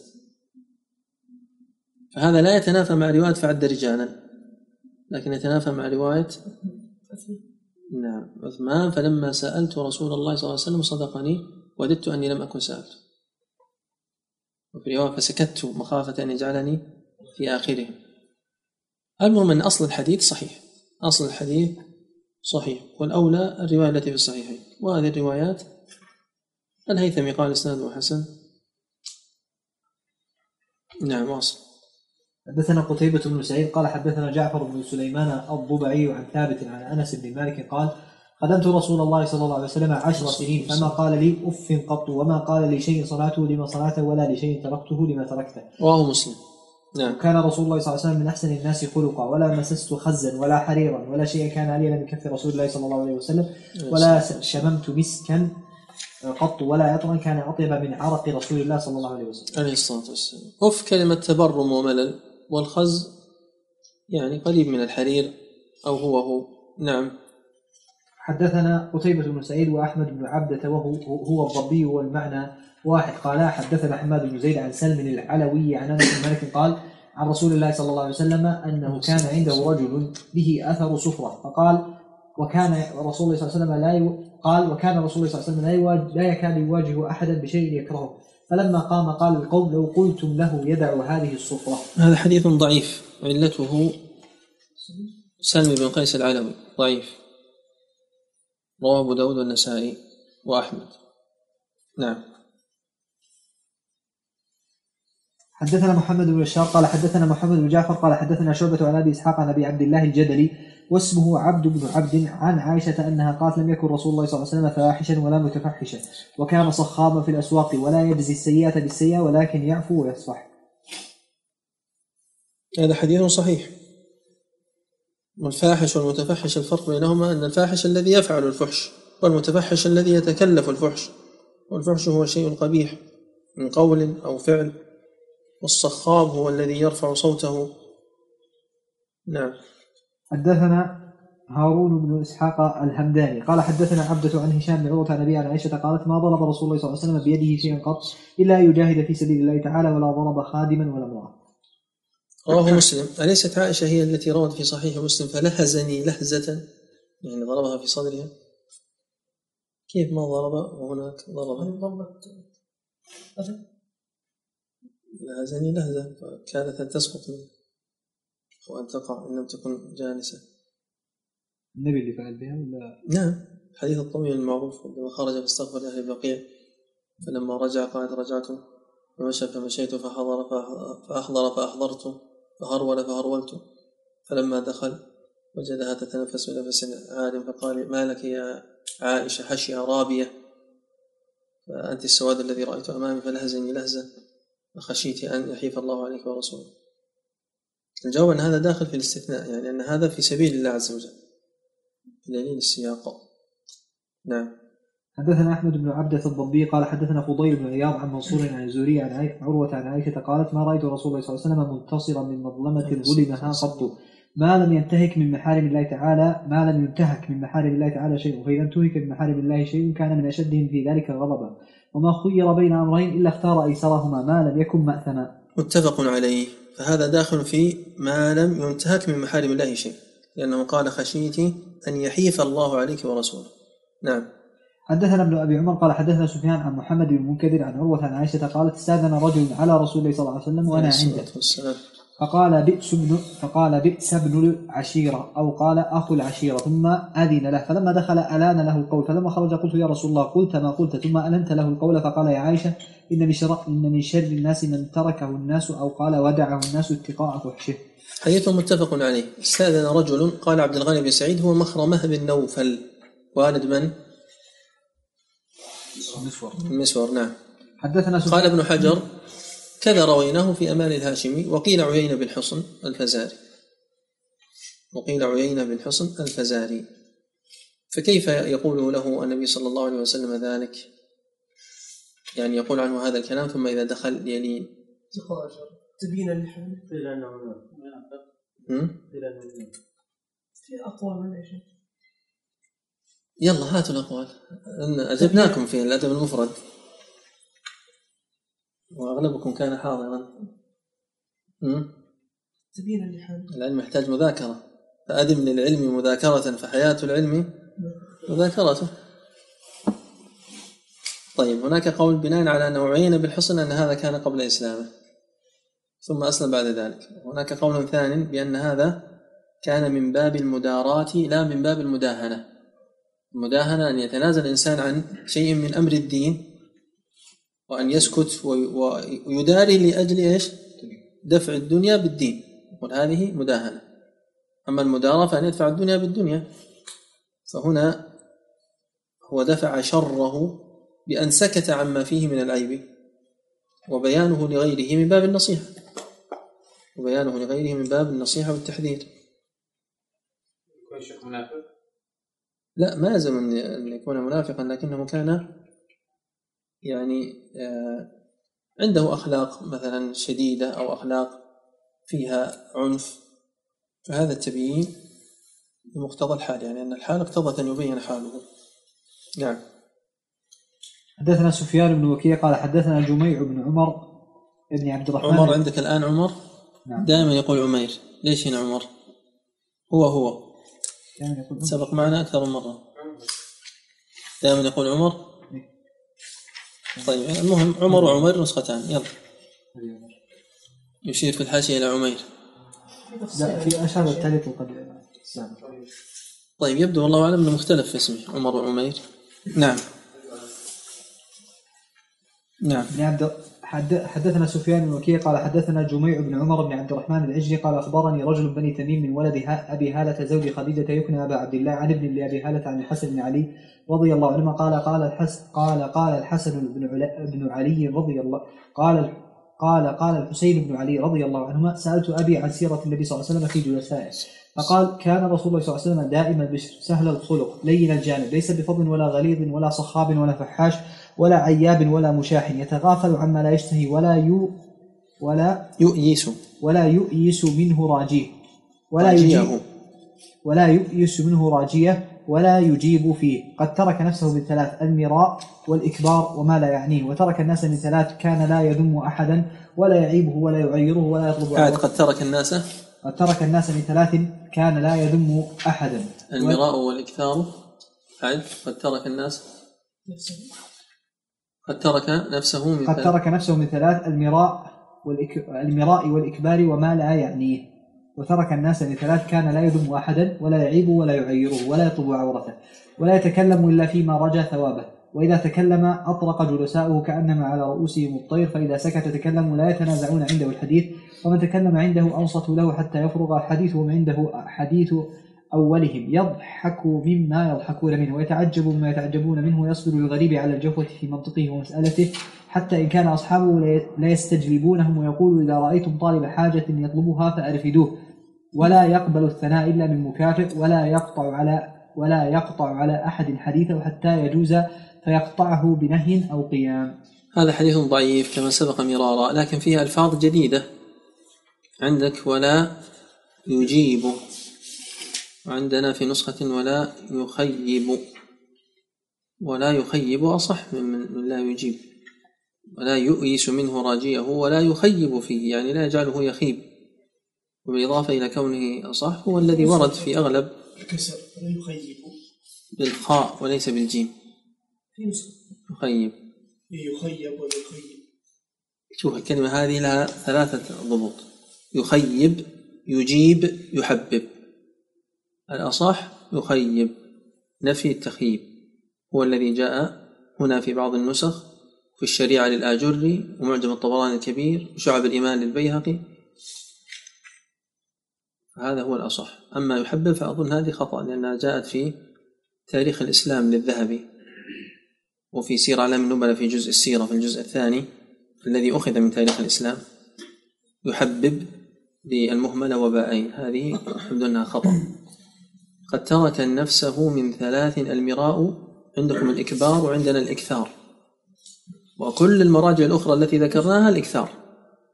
يؤيد الإكثار أنها هي التي وردت في المراجع التي ذكرناها. فالأول يخيب والثاني الإكثار. والظاهر أن الخصال الثلاثة ترجع للكلام. قد ترك نفسه من ثلاث المراء كلام. والإكثار ترك الإكثار من الكلام. وما لا يعنيه يعني ترك ما لا يعنيه من الكلام. فالمراد الإكثار لكن إذا قلت الإكبار كبير. سيخرج عن السياق. لأن يكون متفقا مع ما معه. والكلمات الأخرى تراجعون فيها الشرح. نعم. لا يعيره يعيبه. بعده ولا يعيره. إيه. أقرأ الكلمة مرة أخرى. ولا يعيبه ولا يعيره ولا يطلب عوضه يقول هذه أي نعم. كان لا يدم أحدا هذا واحد. ولا يعيبه اثنين. ولا يطلب عورته ثلاثة. في بينهم ولا يعيرهم هذه الزيادة يبدو أنها خطأ. ولا يتكلم إلا فيما رجع ثوابه. هم؟ في خمسة. يعني ترك الناس. ترك الناس. هذه لا يتكلم في متعلقة بنفسه ليس بالناس فالزيادة هذه خطأ. نعم واصل. حدثنا محمد بن بشار قال حدثنا عبد الرحمن بن مهدي قال حدثنا سفيان عن محمد بن المنكدر قال سمعت جابر عبد الله يقول ما سئل رسول الله صلى الله عليه وسلم شيئا قط؟ فقال لا متفق عليه. حدثنا عبد الله بن عمران أبو القاسم. وهذا رواه الدارمي أيضا وكان متوقع أن يرويه المصنف عن طريقه. المهم ما قال لا قط إلا في تشهده لولا التشهد كانت لا هنا. واصل. حدثنا عبد الله بن عمران أبو القاسم القرشي المكي قال حدثنا إبراهيم بن سعد عن ابن شهاب عن أبو عبيد الله عن ابن عباس. قال كان رسول الله صلى الله عليه وسلم أجود الناس بالخير وكان أجود ما يكون في شهر رمضان حتى ينصرف فيأتيه جبريل فيعرض عليه القرآن فإذا لقيه جبريل كان رسول الله صلى الله عليه وسلم أجود بالخير من الريح المرسلة. متفق عليه. نعم. حدثنا قتيبة بن سعيد قال أخبرنا جعفر بن سليمان الضبعي عن ثابت عن أنس بن مالك قال كان النبي صلى الله عليه وسلم لا يدخر شيئا لغد. رواه المصنف هنا وفي جامعه وصححه ابن حبان وصححه أبو سهل محمد بن سليمان فيما أسنده عنه البيهقي في الشعب. وذكر وجه هذا الحديث لأنه معارض لأحاديث كثيرة. فمن أراد أن يعرف الوجه فليراجع شعب الإيمان للبيهقي. وقال عنه المصنف حديث غريب. قد روي هذا الحديث عن جعفر بن سليمان عن ثابت عن النبي صلى الله عليه وسلم مرسلا. قتيبة أسنده وقد تبع على ذلك تابعه قيس بن حفص. لولا هذه المتابعة لكان الإرسال قد يكون أولى. نعم. حدثنا هارون بن موسى ابن ابي ابن أبي علقامة المديني قال حدثني أبي عن هشام بن سعد عن زيد بن أسلم عن أبيه عن عمر الخطاب أن رجلا جاء إلى النبي صلى الله عليه وسلم فسأله أن يعطيه فقال النبي صلى الله عليه وسلم ما عندي شيء ولكن ابتع علي فإذا جاءني شيء قضيته. كمل. فقال عمر يا رسول الله قد أعطيته فيما قد أعطيت فما كلفك الله ما لا تقدر عليه. فكره النبي صلى الله عليه وسلم قول عمر فقال رجل من الأنصار يا رسول الله أنفق ولا تخف من ذي العرش اقلالا فتبسم الرسول صلى الله عليه وسلم وعرف في وجهه البشر بقول الانصاري ثم قال بهذا أمرت. موسى بن أبي علقمة المديني. قال الذهبي ما علمت يروي عنه سوى ولده هارون. وهذا ما في التقريب. قال الدار قطني موسى بن أبي علقمة المديني. طبعا هارون يروي عن موسى. دار قطني قال عن هارون الذي هو الابن هو وأبوه ثقتان كما في تهذيب التهذيب. أبو علقمة عبد الله بن محمد بن عبد الله بن أبي فروة أبو موسى. وأما هارون الذي هو الابن فقد روى له الترمذي والنسائي. توفي سنة 253 قال أبو حاتم شيخ. قال النسائي وابن حجر لا بأس به. قال الذهبي صدوق ذكر ابن حبان في الثقات. هذا الابن. وقال مسلمة ثقة. فالابن ما فيه إشكال. هارون. الإشكال في الأب هل هو مجهول أو ليس بمجهول؟ يرجع للقاعدة السابقة. هذا الآن روى عنه واحد. ووثقه الدار قطني. لتوثيق لا مو بتوثيق ثاني لا راوي ثاني. يعني جهالة الحالة ارتفعت بتوثيق الدار قطني. جهالة العين. هل ترتفع فقط برواية ابنه؟ أو لا بد أن يروي عنه آخر. وبناء عليه يختلف الحكم على هذا الحديث. ولذلك تجد أن الشيخ عبد الله السعد قال لا بأس به وقال يراجع. والألباني قال ضعيف.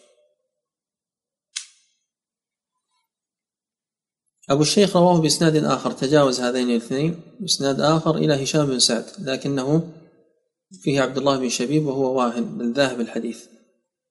قال فضلك الرازي يحل ضرب عنقه. يحل ضرب عنقه. يعني أنه ضعيف جدا. فما يصلح هذا للمتابعة طيب إسناد آخر عند البزار يحيى بن قطن الأبولي عن إسحاق بن إبراهيم عن هشام بن سعد. إسحاق بن إبراهيم الحنيني ضعيف. يعني الطرق كلها مدار على هشام بن سعد وكل طريق فيه علة. أحسنها الطريقة التي عند المصنف لأن علتها أخف. جهالة. والعلل في الطريقين الآخرين ضعف. فإن نظرت إلى المجموع قلت حسن وإن نظرت إلى عدم خلو طريق من علة قلت ضعيف. نعم. حدثنا علي بن حجر قال أخبرنا شريك عن عبد الله بن محمد بن عقيل عن الربيع بنت معوذ بن عفراء قالت أتيت النبي صلى الله عليه وسلم بقناع من رطب وأجر زغب فأعطاني ملء كفه حلية أو قال ذهبا. سبق عرفنا أنه ضعيف فيه شريك وذكر له إسنادا آخر لا يخلو من علة.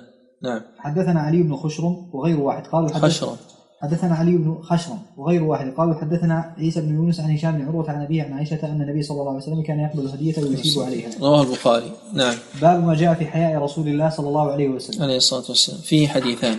نعم. حدثنا محمود بن غيلان قال حدثنا أبو داود قال حدثنا شعبة عن قتادة قال سمعت عبد الله بن أبي عتبة يحدث عن أبي سعيد الخدري قال كان النبي صلى الله عليه وسلم أشد حياء من العذراء في خدرها وكان إذا كره شيئا عرفناه في وجهه.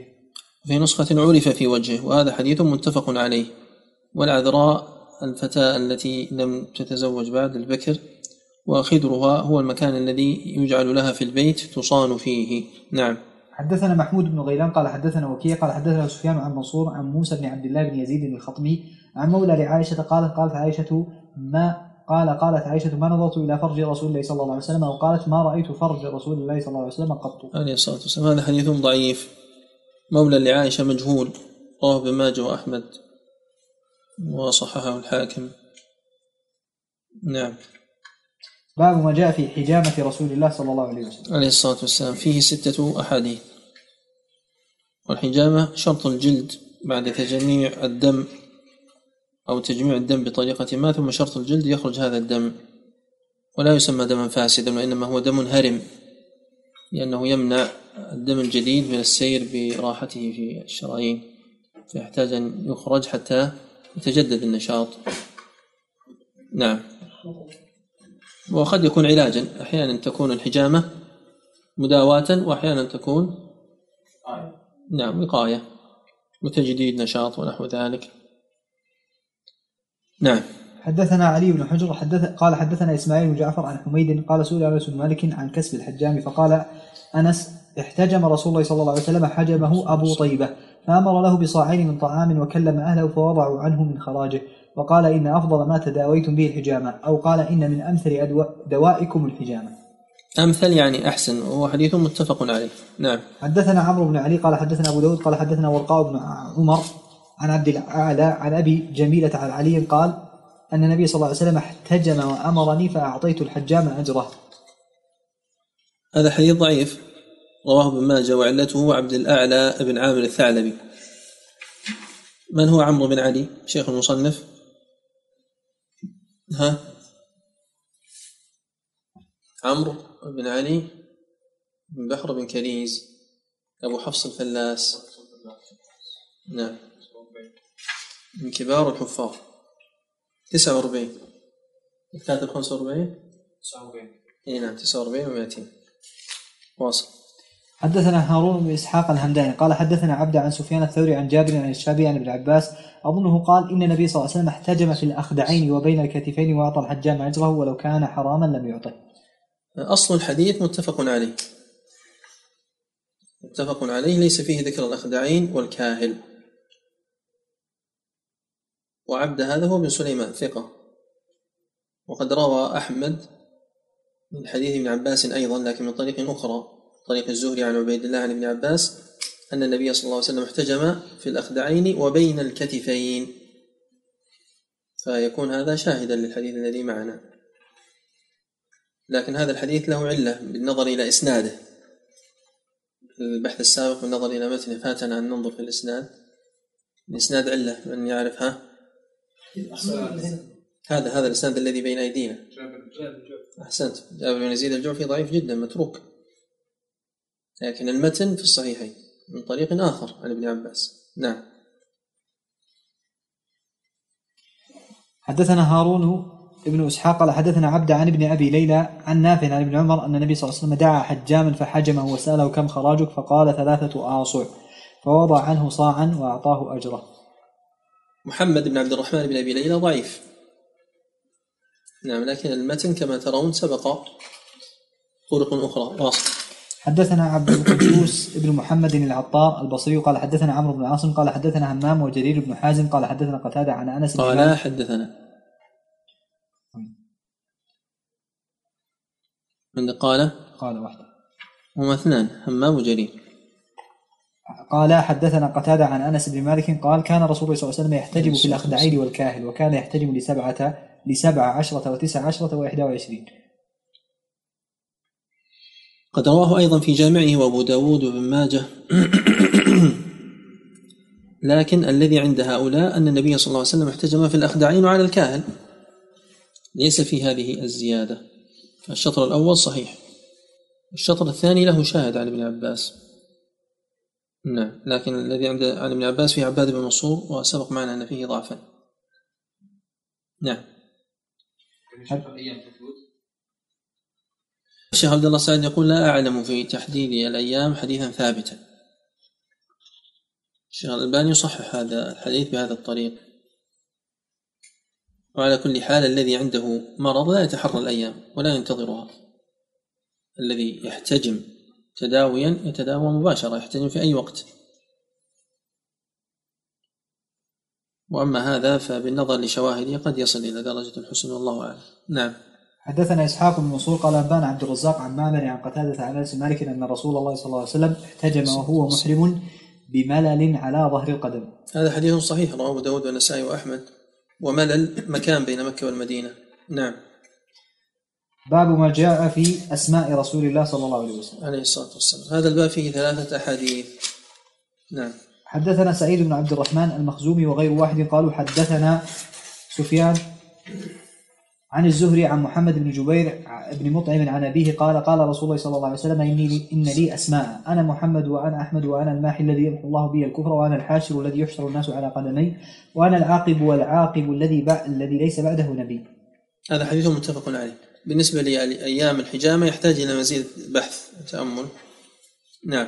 حدثنا محمد بن طريف الكوفي قال حدثنا أبو بكر بن عياش عن عاصم عن أبي وائل عن حذيفة قال لقيت النبي صلى الله عليه وسلم في بعض طرق المدينة فقال أنا محمد وأنا أحمد وأنا نبي الرحمة ونبي التوبة وأنا المقفي وأنا الحاشر ونبي الملاحم. نعم واصل. حدثنا إسحاق بن منصور قال حدثنا النضر بن شبيب قال أنبانا حماد بن سلمة عن عاصم عن زيد عن حذيفة عن النبي صلى الله عليه وسلم نحوه بمعناه هكذا قال حماد بن سلمة عن عاصم عن زيد عن حذيفة. هذا حديث حسن.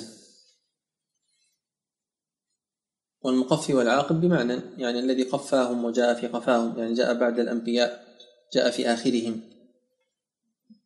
نعم. والعاقب جاء في عقبهم. فهي أسماء تؤدي معنى واحد. الحاشر الذي يحشر الناس على قدميه يعني يوم القيامة. نبي الملاحم يعني جاء بالجهاد. ونبي الرحمة وهو رحمة مهداة. إنا أرسلناك رحمة للعالمين. محمد وأحمد كلاهما في القرآن. نعم. باب ما جاء في عيش رسول الله صلى الله عليه وسلم. عليه الصلاة حدثنا. قتيبة هذا فيه تسعة أحاديث وقد سبق هذا الباب مختصرا. نعم. حدثنا قتيبة بن سعيد قال حدثنا أبو الأحوص عن سماك بن حرب قال سمعت النعمان بن بشير يقول ألستم في طعام وشراب ما شئتم؟ فقد رأيت نبيكم صلى الله عليه وسلم وما يجد من الدقل ما يملأ بطنه.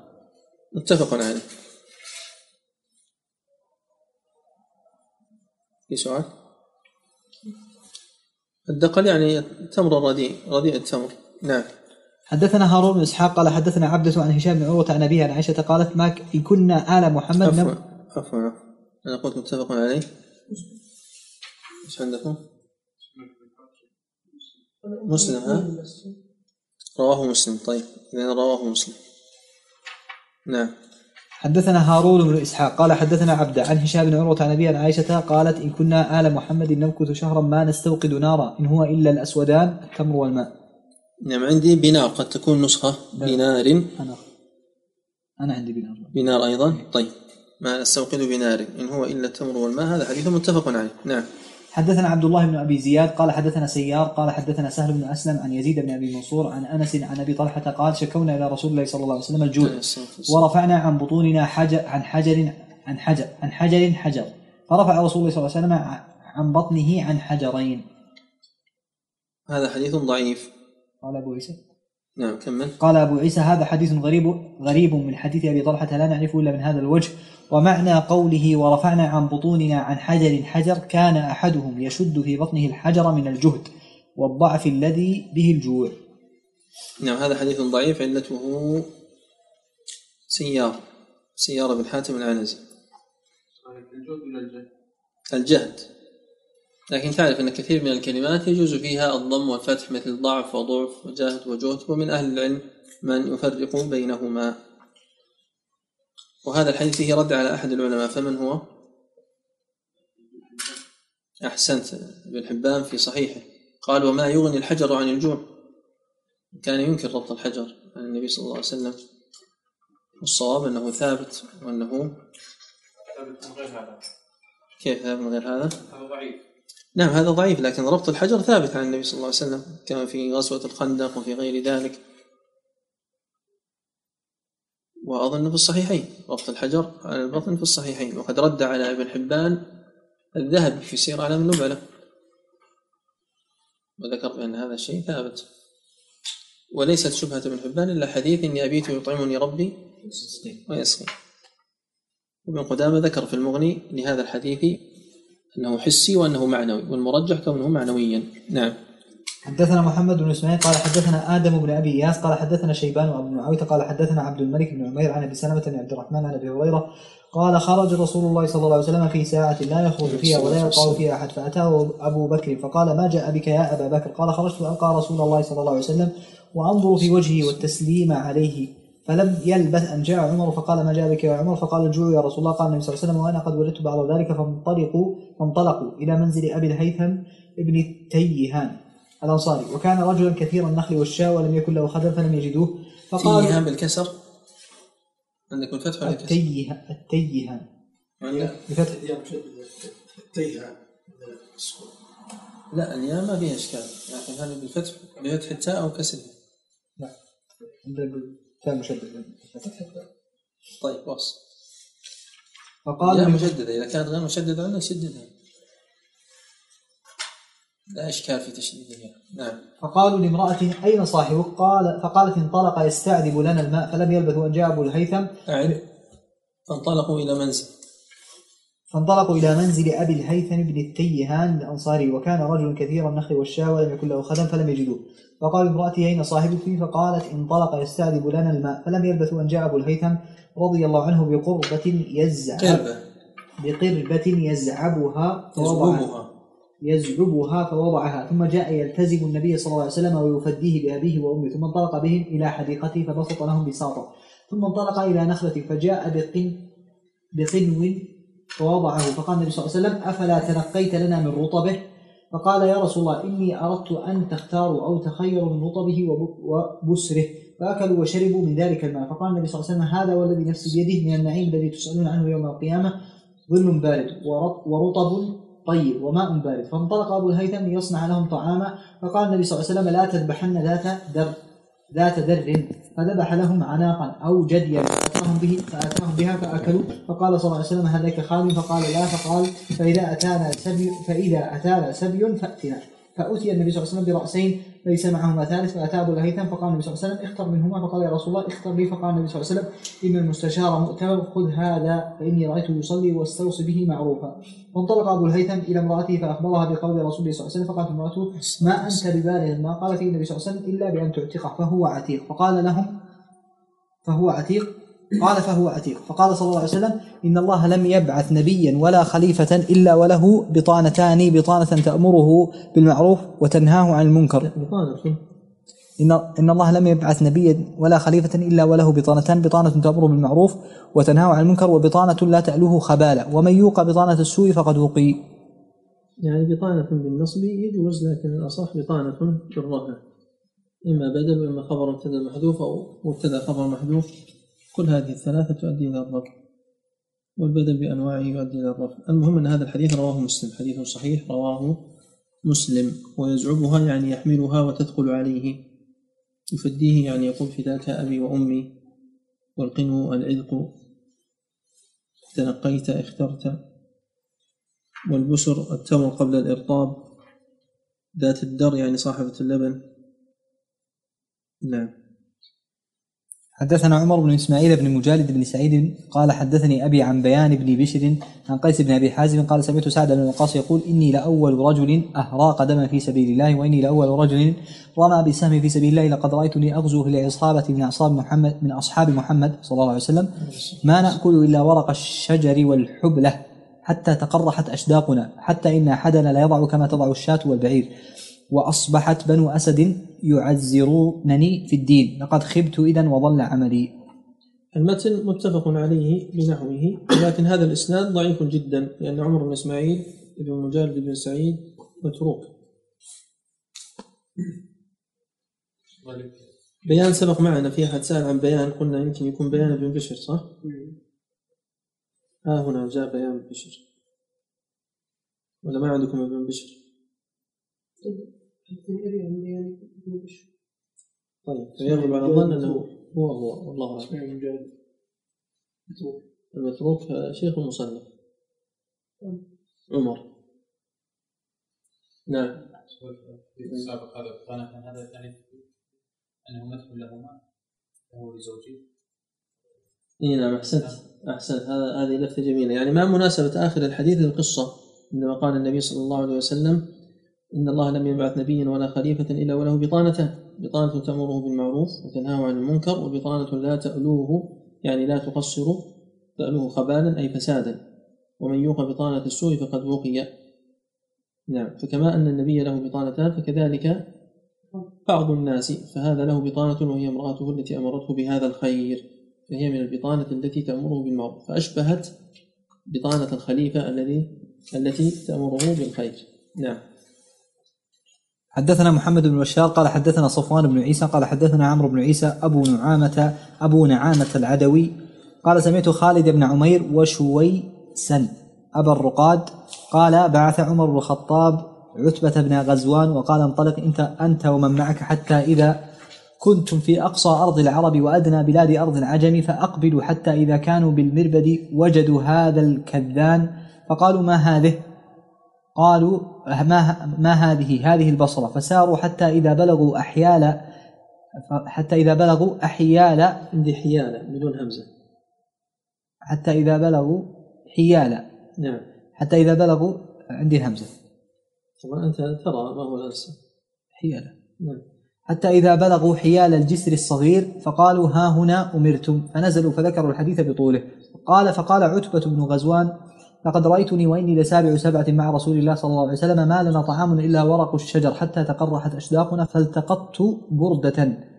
بردة فقسمتها بيني وبين سعد فما منا من أولئك السبعة أحد إلا وهو أمير مصر من الأمصار وستجربون الأمراء بعدنا. نعم هذا الحديث في صحيح مسلم. في صحيح مسلم من طريق هلال.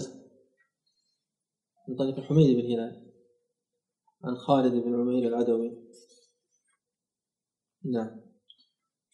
يعني بإسناد آخر أقصد بإسناد آخر. نعم.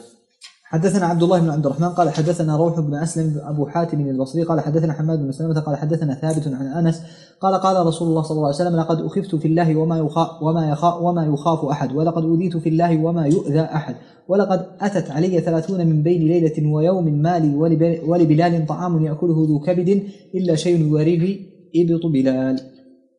الحديث السابق كلمة الكذان نوع من الحجارة بالإخوة وهذا الحديث الذي معنا حديث صحيح أخرجه المصنف هنا وفي جامعه وصححه. وروح بن أسلم روح بن أسلم متكلم فيه لكن رواه أحمد وغيره من طرق. ويواريه إبط بلال يعني أنه يسير جدا بحيث أنه يخفيه. لو وضعه في إبطه لأخفاه قد يكون موضوع في كيس أو في وعاء أو في شيء. نعم.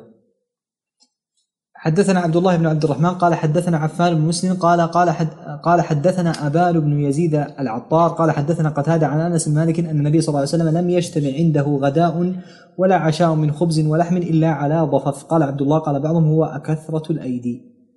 هذا سبق معنا. نعم. حدثنا عبد بن حميد قال حدثنا محمد بن إسماعيل بن أبي فديك قال حدثنا ابن أبي ذئب عن مسلم بن جندب عن نوفل بن إياس الهذلي قال كان عبد الرحمن عوف لنا جليسا وكان نعم الجليس وإنه انقلب بين بنا ذات يوم حتى إذا دخلنا بيته ودخل فاغتسل ثم خرج وأتينا بصحفة فيها خبز ولحم فلما وضعت بكى عبد الرحمن فقلت له يا أبا محمد ما يبكيك؟ قال هلك رسول الله صلى الله عليه وسلم ولم يشبع هو ولا أهل بيتي من خبز الشعير فلا أرانا أخرنا بما هو خير لنا. يعني جاء في صحيح البخاري بنحوه ولكن هذا الإسناد فيه مسلم بن جندب. قال الذهبي لا يعرف. وقال ابن حجر مقبول. وقال الطبري غير معروف في نقلة العلم والآثار. ومع ذلك قال الهيثمي إسناده حسن. نعم. ماذا قلنا قبل قليل؟ لا نوفل بن إياس عفوا نوفل بن إياس. الكلام السابق في نوفل. الكلام السابق في نوفل بن إياس الهذلي. نعم. باب ما جاء في سن رسول الله صلى الله عليه وسلم. حدثنا أحمد بن منيع قال حدثنا روح بن عبادة قال حدثنا زكريا بن إسحاق قال حدثنا عمرو بن دينار عن ابن عباس. قال مكث النبي صلى الله عليه وسلم بمكة ثلاث عشرة سنة يوحى إليه بالمدينة عشرا وتوفي وهو ابن ثلاث وستين. هذا الباب فيه ستة أحاديث والمراد بالسن العمر وهذا الحديث الأول الذي معنا متفق عليه. وقد جاء عن عمرو بن دينار عن عكرمة عن ابن عباس عند البيهقي وأحمد. نعم. حدثنا محمد بن بشار قال حدثنا محمد بن جعفر عن شعبة عن أبي إسحاق عن عامر بن سعد عن جرير عن معاوية أنه سمعه يخطب قال مات رسول الله صلى الله عليه وسلم وهو ابن ثلاث وستين وأبو بكر وعمر وأنا ابن ثلاث وستين سنة. هذا حديث صحيح رواه مسلم. وقد جاءت زيادة عند لكن رواه مسلم بصيغة مات رسول الله صلى الله عليه وسلم وهو ابن ثلاث وستين وأبو بكر وهو ابن ثلاث وستين وعمر وهو ابن ثلاث وستين. جاءت زيادة عند أحمد وأنا ابن ثلاث وستين. خطب بها معاوية على المنبر. قال وأنا الآن ابن ثلاث وستين. لكن لم يمت معاوية رضي الله عنه في تلك السنة وإنما عاش أكثر من ذلك.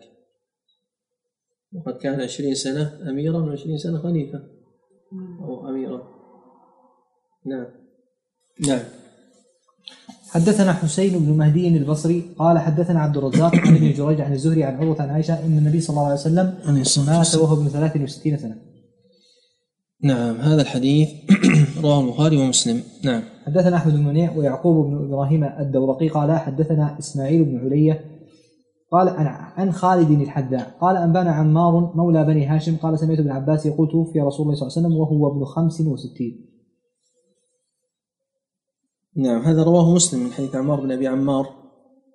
وقد أشرنا إلى هذا في الحديث الأول من هذا الكتاب وذكرنا أن الأحاديث السابقة هي المحفوظة وهو القول الصحيح أن عمر النبي صلى الله عليه وسلم ثلاث وستون سنة.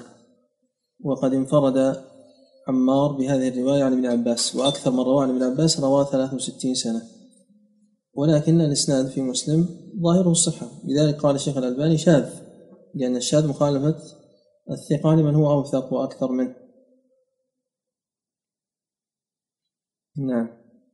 حدثنا محمد بن بشار قال ومحمد بن أبان قال حدثنا معاذ بن هشام قال حدثني أبي عن قتادة عن الحسن عن دغفل بن حنظلة رضي الله عنه النبي صلى الله عليه وسلم قبض وهو ابن خمس وستين. قال أبو عيسى ودغفل لا نعرف له سماعا من النبي صلى الله عليه وسلم وكان في زمن النبي صلى الله عليه وسلم. رجلا في نسخة كان في زمن النبي صلى الله عليه وسلم رجلا. من النسخة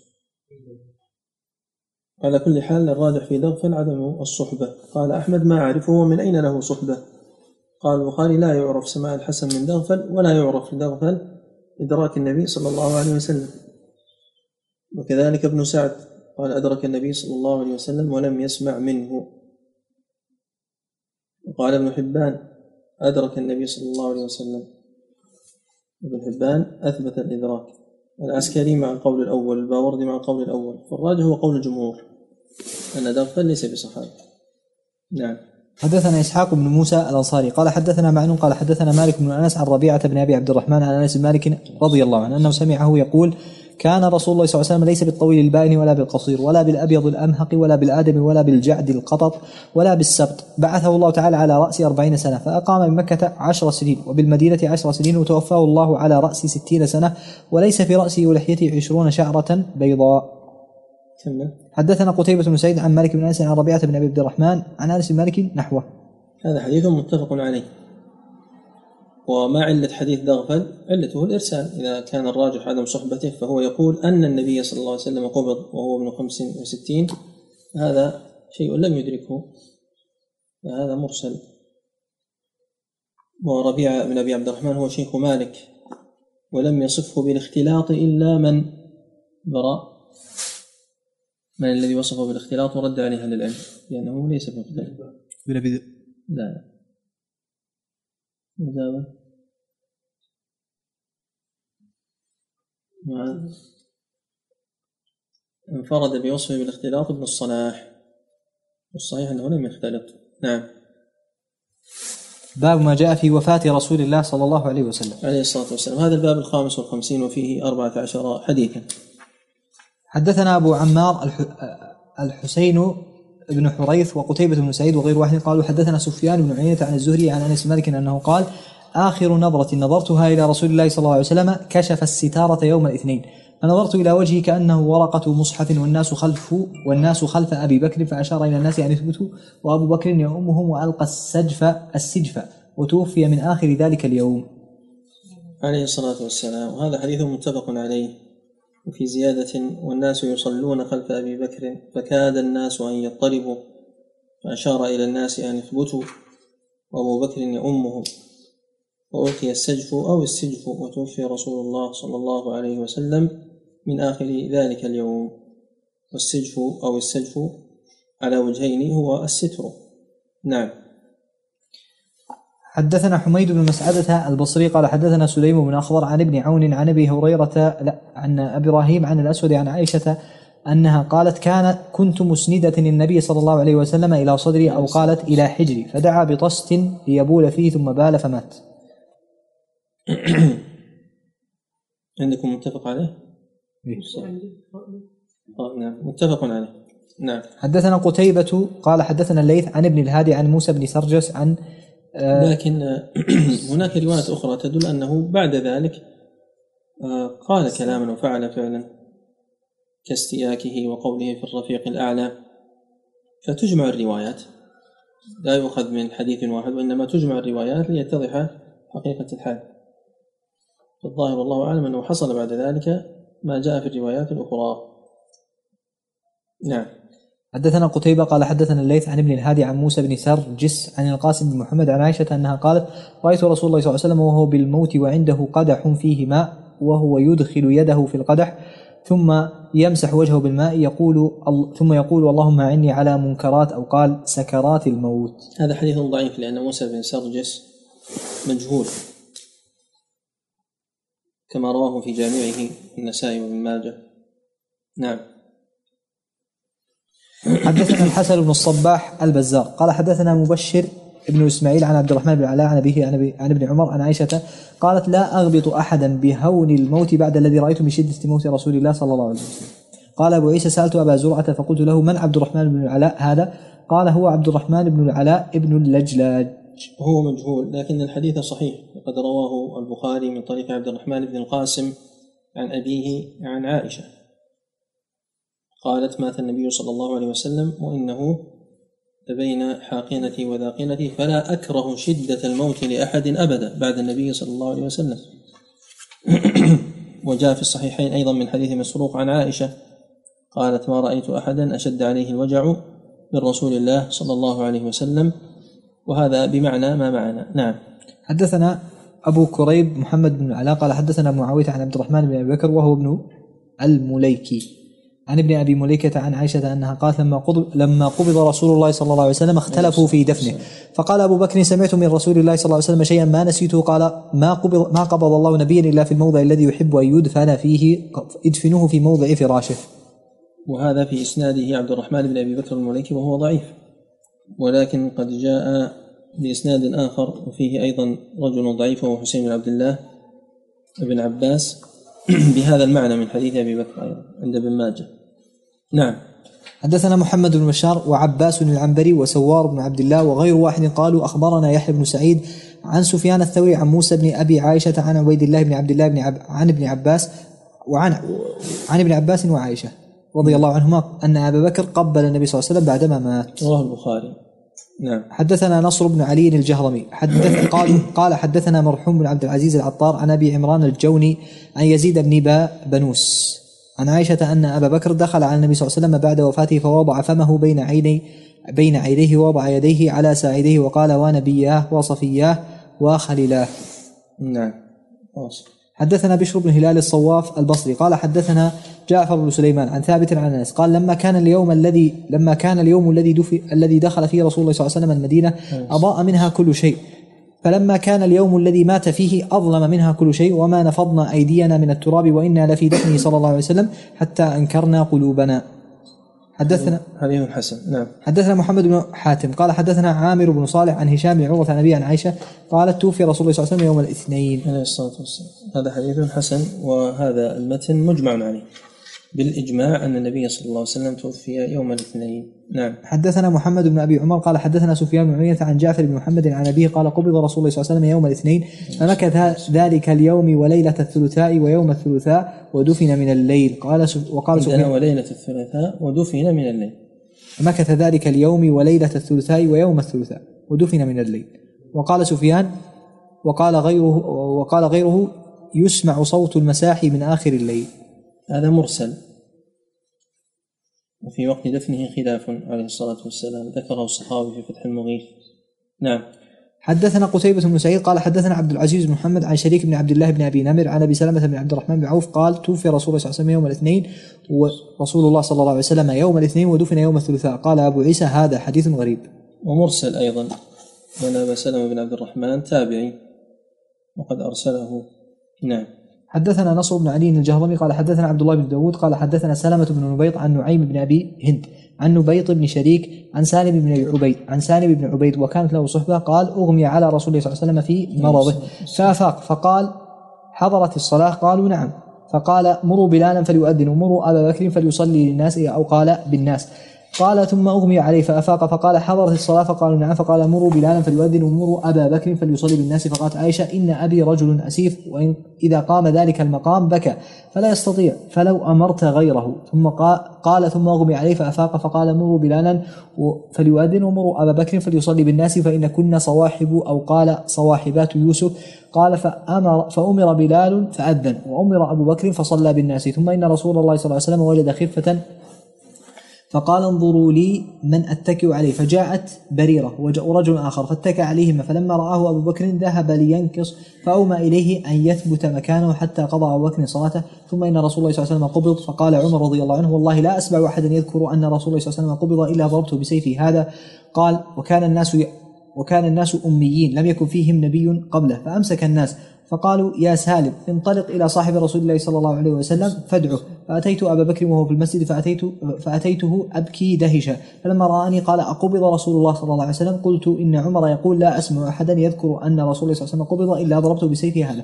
فقال لي انطلق. فانطلقت معه فجاء هو والناس قد دخلوا على رسول الله صلى الله عليه وسلم فقال يا الناس أفرجوا لي فأفرج له.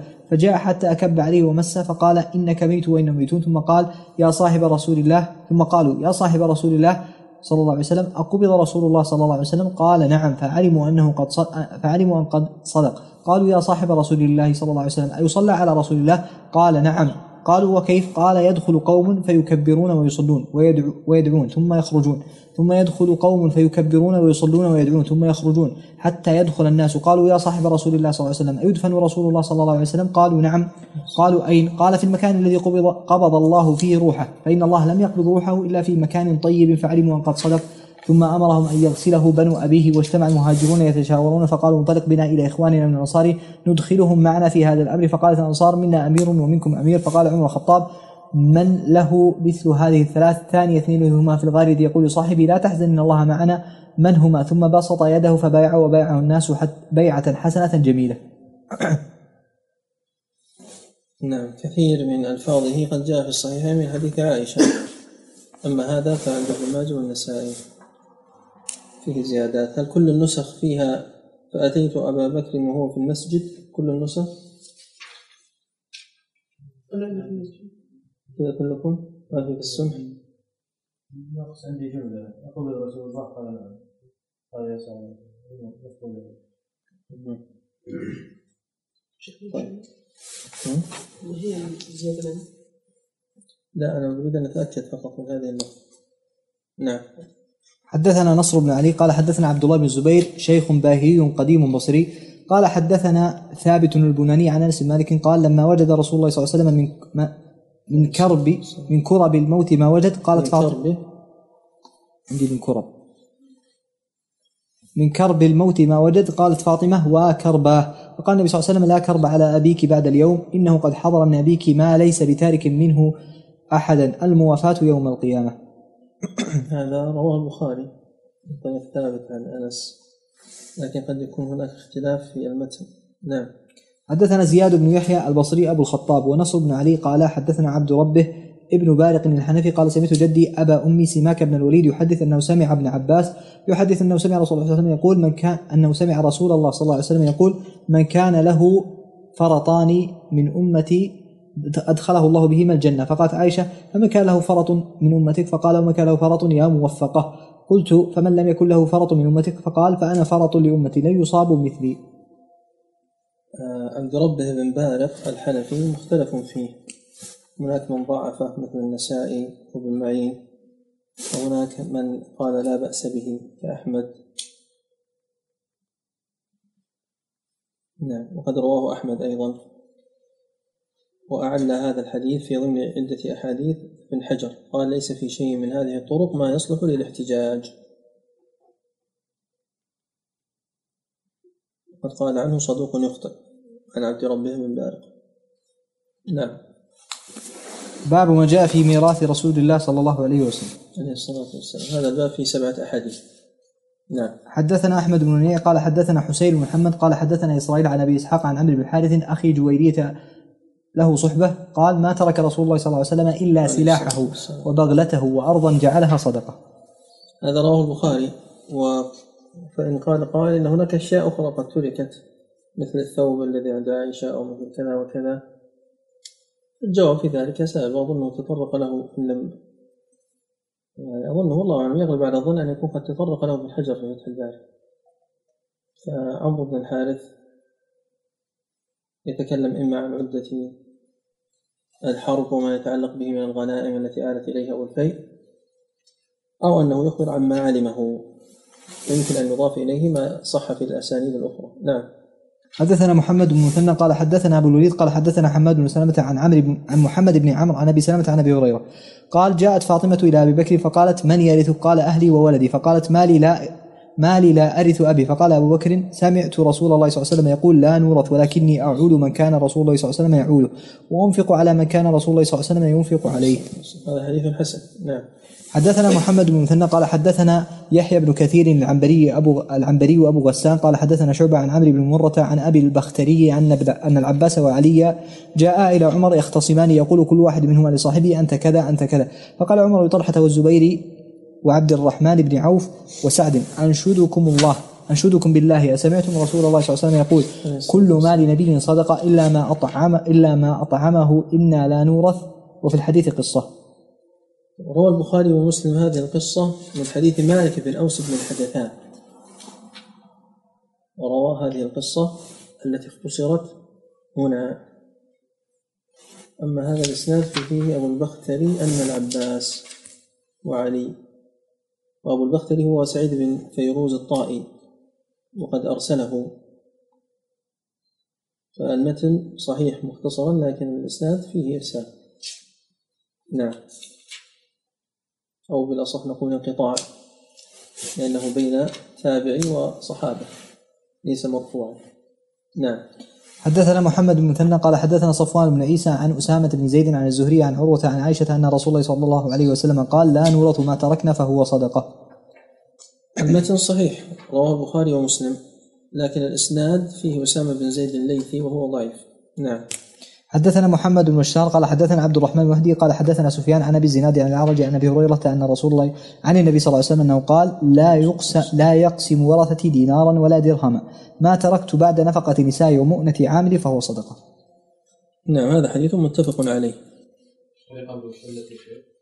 الذي قبله علة أسامة بن زيد لكنه لم ينفرد به في المتن صحيح. عندنا اثنان في طبقة واحدة. وعندهم آه، يدخلون في باب المتفق والمفترق. اسمهم واسم أبيهم واحد أسامة بن زيد بن أسلم العدوي. أسامة بن زيد بن أسلم أخو عبد الله وعبد الرحمن. وأسامة بن زيد الليثي. والعدوي أشد ضعفا من الليثي. نعم. بن أسلم. هذا الليثي الذي معنا؟ الليثي.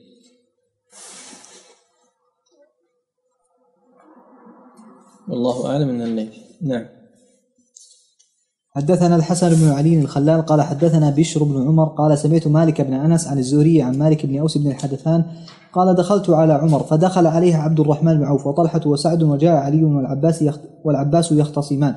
فقال لهم عمر أنشدكم بالذي بإذنه تقوم السماء والأرض. تعلمون أن رسول الله صلى الله عليه وسلم قال لا نورث ما تركناه صدقة. قالوا فقالوا اللهم نعم وفي الحديث قصة طويلة. نعم هذا الحديث متفق عليه كما سبق. وسواء كانت ما تركناه أو ما تركنا فهذه الميم هي اسم موصول. الذي تركناه صدقة خلافا للرافضة الذين يجعلونها نافية. إنما هي اسم موصول. الذي تركناه صدقة. نعم. حدثنا محمد بشار قالوا قال حدثنا عبد الرحمن المهدي قال حدثنا سفيان عن عاصم بن بهدلة عن زر بن حبيش عن عائشة قالت ما ترك رسول الله صلى الله عليه وسلم دينارا ولا درهما ولا شاة ولا بعيرا. قال وأشك في العبد والأمة. وهذا الإسناد حسن سبق أن المتن صحيح. نعم. قال باب ما جاء في رؤيا النبي صلى الله في رؤية النبي صلى الله عليه وسلم في المنام. عليه الصلاة والسلام. هذا الباب فيه عشرة أحاديث. نعم. حدثنا محمد بن بشار قال حدثنا عبد الرحمن المهدي قال حدثنا سفيان عن أبي إسحاق عن أبي الاحوص عن عبد الله بن مسعود عن النبي صلى الله عليه وسلم أنه قال من رآني في المنام فقد رآني فإن الشيطان لا يتمثل بي. هذا حديث متواتر. جاء عن جمع كبير من الصحابة. نعم.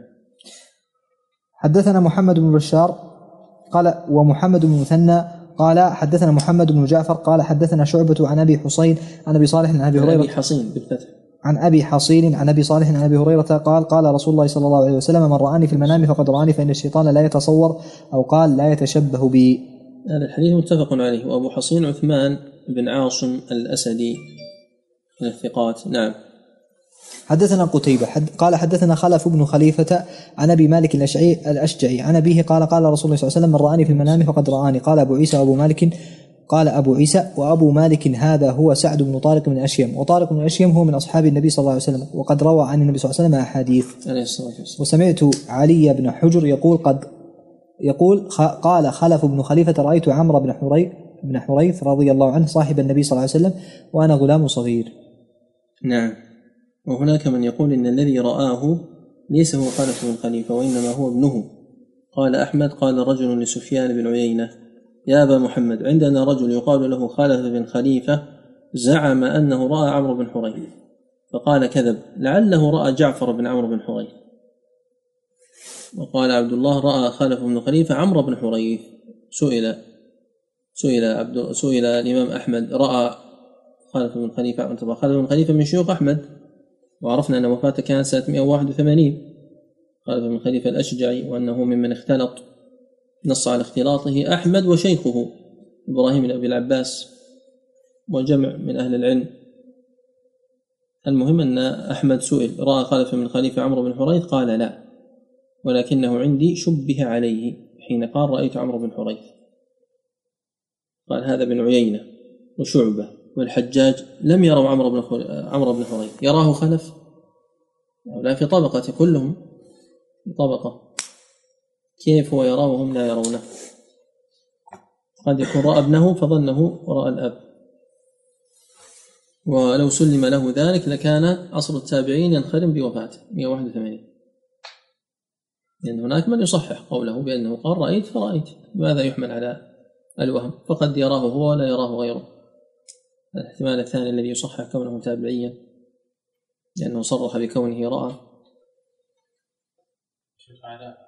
نعم. على أنه أخطأ. متى يكون في التابعين؟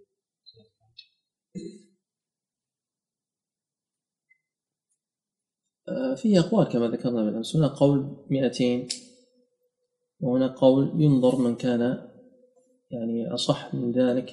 يتتبع يعني التابع الذي توفي قبله وهو تابع بيقين بلا شك. الذي أعرفه الآن قول 181 وقول 200 وينظر إذا كان هناك أقوال أخرى. هو متى توفي شيء 181 وهو الآخر شيء على قول طبعا كما ذكرنا. لأنه هو يقول رأيت عمرو بن حريث. الشيخ شيخنا الشيخ عبد الله السعد يقول بعضهم يقول أخطأ لكنه يقول رأيت. يعني كأنه يميل إلى تصحيح رؤية أخبر عن نفسه. واذا كان شيخ إذا صححه الآخر فكيف يقال 200 و100 200 بناء على حمل الحديث على المعنى اللغوي لأن النبي صلى الله عليه وسلم قال خير القرون قرني ثم الذين يلونهم ثم الذين يلونهم. كما جاء من حديث عمران بن حسين وابن مسعود في الصحيحين. فقرني ثم الذين يلونهم ثم الذين يلونهم يعني هذه قرون. فينظر إلى معنى القرن في اللغة. وعرفنا أن القرن في اللغة له ثمانية أقوال فيه ثمانية أقوال. أعلاها 120 ولعل أدناها 70 إن لم يكن أقل من ذلك. وبينهما أقوال وأشهرها مئة. فإذا أخذ بالأشهر فستكون إلى مئة أصل الصحابة. يعني أغلبهم ولو لم يكن كلهم. لأن الذي بقي بعد المئة نادر. أرحمك. الله. وعلى قول مسلم ينخرم بالمئة لأن مسلم يقول أبو الطفيل توفي سنة مئة. ويكون التابعون إلى مئتين ويكون أتباع التابعين إلى ثلاثمائة فيدخل أصحاب الكتب الستة وأحمد كلهم يدخلون في هذا الفضل على هذا القول. لكن على القول لا بأنه على ضابط وحد الصحابي. رأى النبي صلى الله عليه وسلم مؤمنا به ومات على ذلك والتابعي رأى الصحابي مؤمنا به ومات على ذلك تابع التابعي من رأى التابعي مؤمنا بالنبي صلى الله عليه وسلم ومات على ذلك. وعلى هذا فلا يحد بالوقت وإنما يحد بانخرام القرن. متى ينخرم القرن؟ متى من الذي ينزل الناس بموته طبقة؟ فيحسب أن القرن انتهى بوفاة فلان. وهكذا. شعبة والله أعلم أقدم موتا أقدم موتا من هؤلاء. لكن هو يقول إذا كان شعبة الذي هو أقدم موتا من باب أولى شعبة توفي 161 أو 160 إذا كان شعبة ما رأى فكيف رأى خلف الغيب؟ هذا معنى كلام أحمد. أنا عندما قلت في طبقة يعني تجوزا لأن ابن عيينة عمر.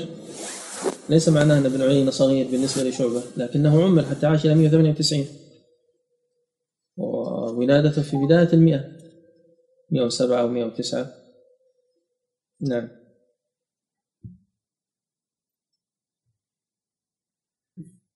نعم واصل.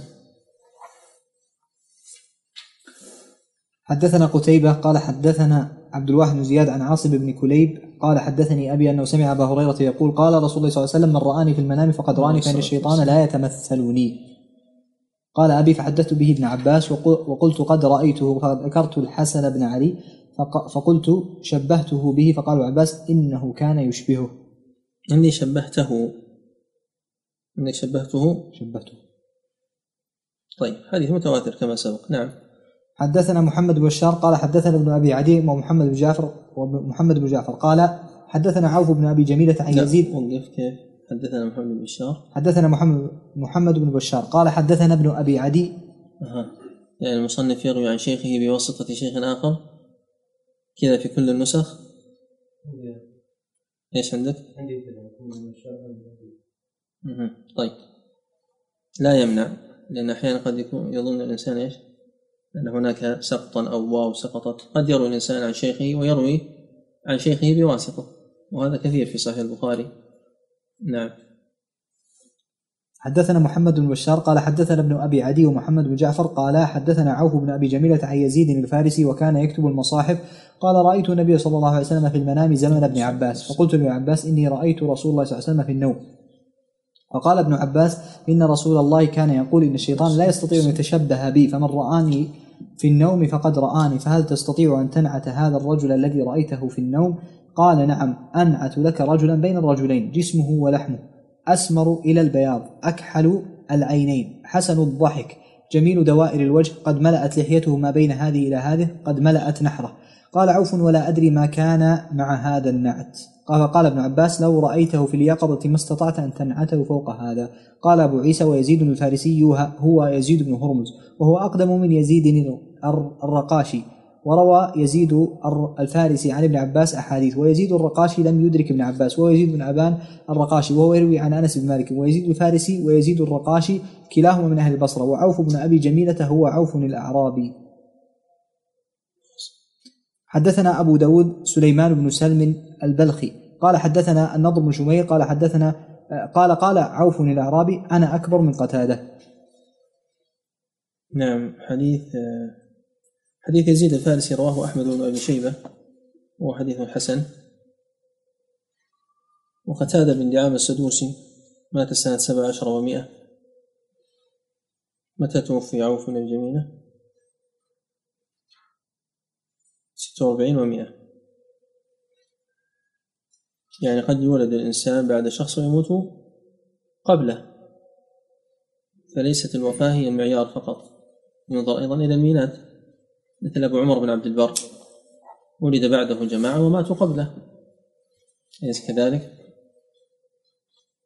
كثير من العلماء الذين عاصروه ماتوا قبله لأنه عمر وولد 368 وتوفي 463 95 وفاته 463 عمره 95 خمسة أو ستة. المهم البيهقي ولد بعده وتوفي قبله. وابن حزم صاحبه ولد بعده وتوفي قبله. الخطيب ولد بعده وتوفي معه. وهكذا. نعم. حدثنا عبد الله بن أبي زياد قال حدثنا يعقوب بن إبراهيم بن سعد قال حدثنا ابن أبي ابن أخي شهاب الزهري. ابن أخي ابن شهاب. ابن أخي ابن شهاب الزهري عن عمه قال قال أبو سلمة قال أبو قتادة قال رسول الله صلى الله عليه وسلم من رآني يعني في النوم فقد رأى الحق. متفق عليه. نعم. حدثنا عبد الله بن عبد الرحمن قال حدثنا معلى بن معلى بن أسد قال حدثنا عبد العزيز بن مختار قال حدثنا ثابت عن أنس أن رسول الله صلى الله عليه وسلم قال من رآني في المنام فقد رآني فإن الشيطان لا يتخيل بي. وقال ورؤيا المؤمن جزء من ستة وأربعين جزءا من النبوة. نعم. الجزء الثاني متفق عليه. والأول رواه البخاري. وكونه من النبوة يعني أن النبي صلى الله عليه وسلم في أول البعثة كان يرى الرؤيا فتقع كما رأى. والذي يزعم أنه رأى النبي صلى الله عليه وسلم في المنام فلا بد أن يصفه صفة تطابق ما ذكره أهل العلم عنه وإلا فلا يكون قد راه لأنه قد يرى شيطانا فيقول له أنا النبي صلى الله عليه وسلم.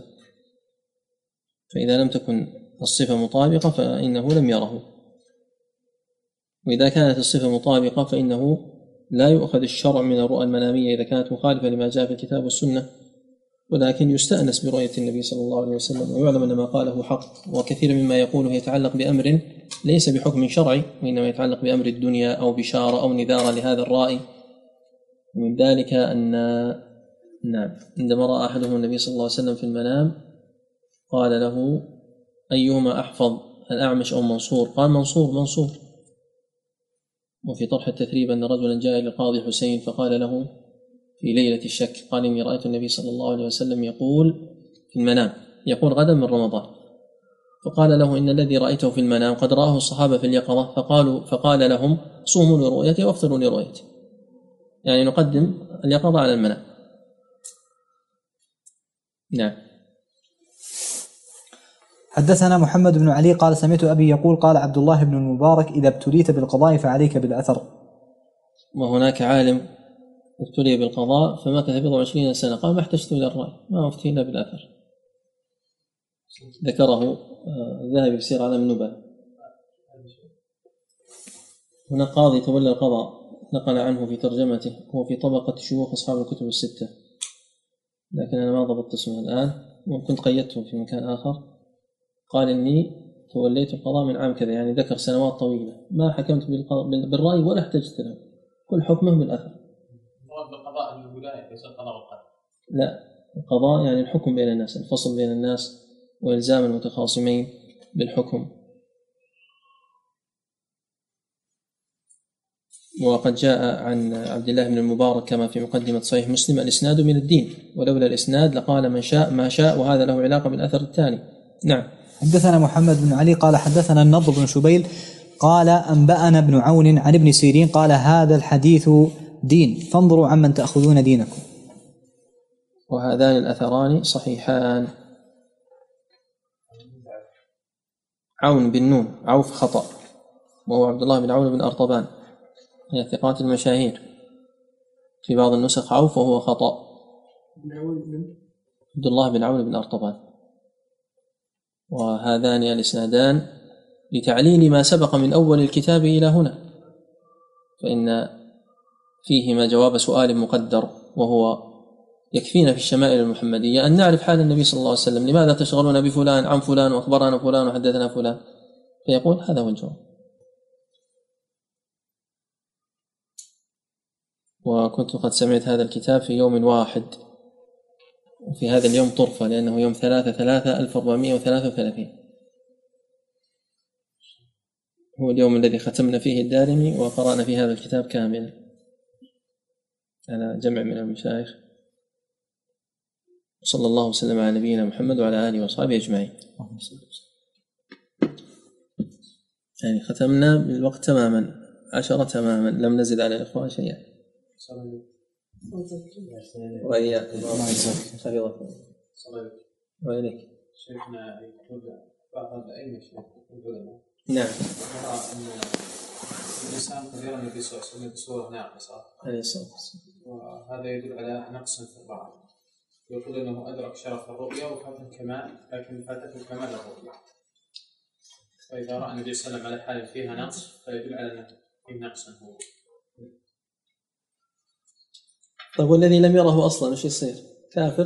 لا لا هو لا لا هو يقول يعني يعني امكان رؤية النبي صلى الله عليه وسلم في المنام على غير هيئته الحقيقيه والله أعلم أنه ما يلزم والله أعلم. يعني من رأى النبي صلى الله عليه وسلم في هيئة ناقصة يقال ما رأيت النبي صلى الله عليه وسلم. إن لم تكن هي هيئته يعني ذكر ناقصة أخرى؟ يعني بدون لحية. لا طويل الثوب. إذا كان هذا هو النقص يعني النقص يقتضي المخالفة اي اي فحينئذ لم يره أبدا. يكون رأى شخصا آخر وظنه النبي صلى الله عليه وسلم. فما وقر في قلبه أو ما سمعه مما يؤدي أنه النبي يكون خطأ. لكن أنا ظننت أنك تقول لم يرى الملامح. كان يكون رآه من الخلف لا لا أو رآه بعيدا. نقص. قصر لحية أو شيء من ذلك. أو نعم. أو قصر أو لا لا. مبين. الصواب أنه يؤول بأنه لم يره وليس بأن في دينه نقصا. علماء التجويد يكره الترجيع. السنة ترد على من يكره ذلك. الترجيع مشروع وقد ثبت عن النبي صلى الله عليه وسلم. فلا رضي من لا يرضاه. نعم.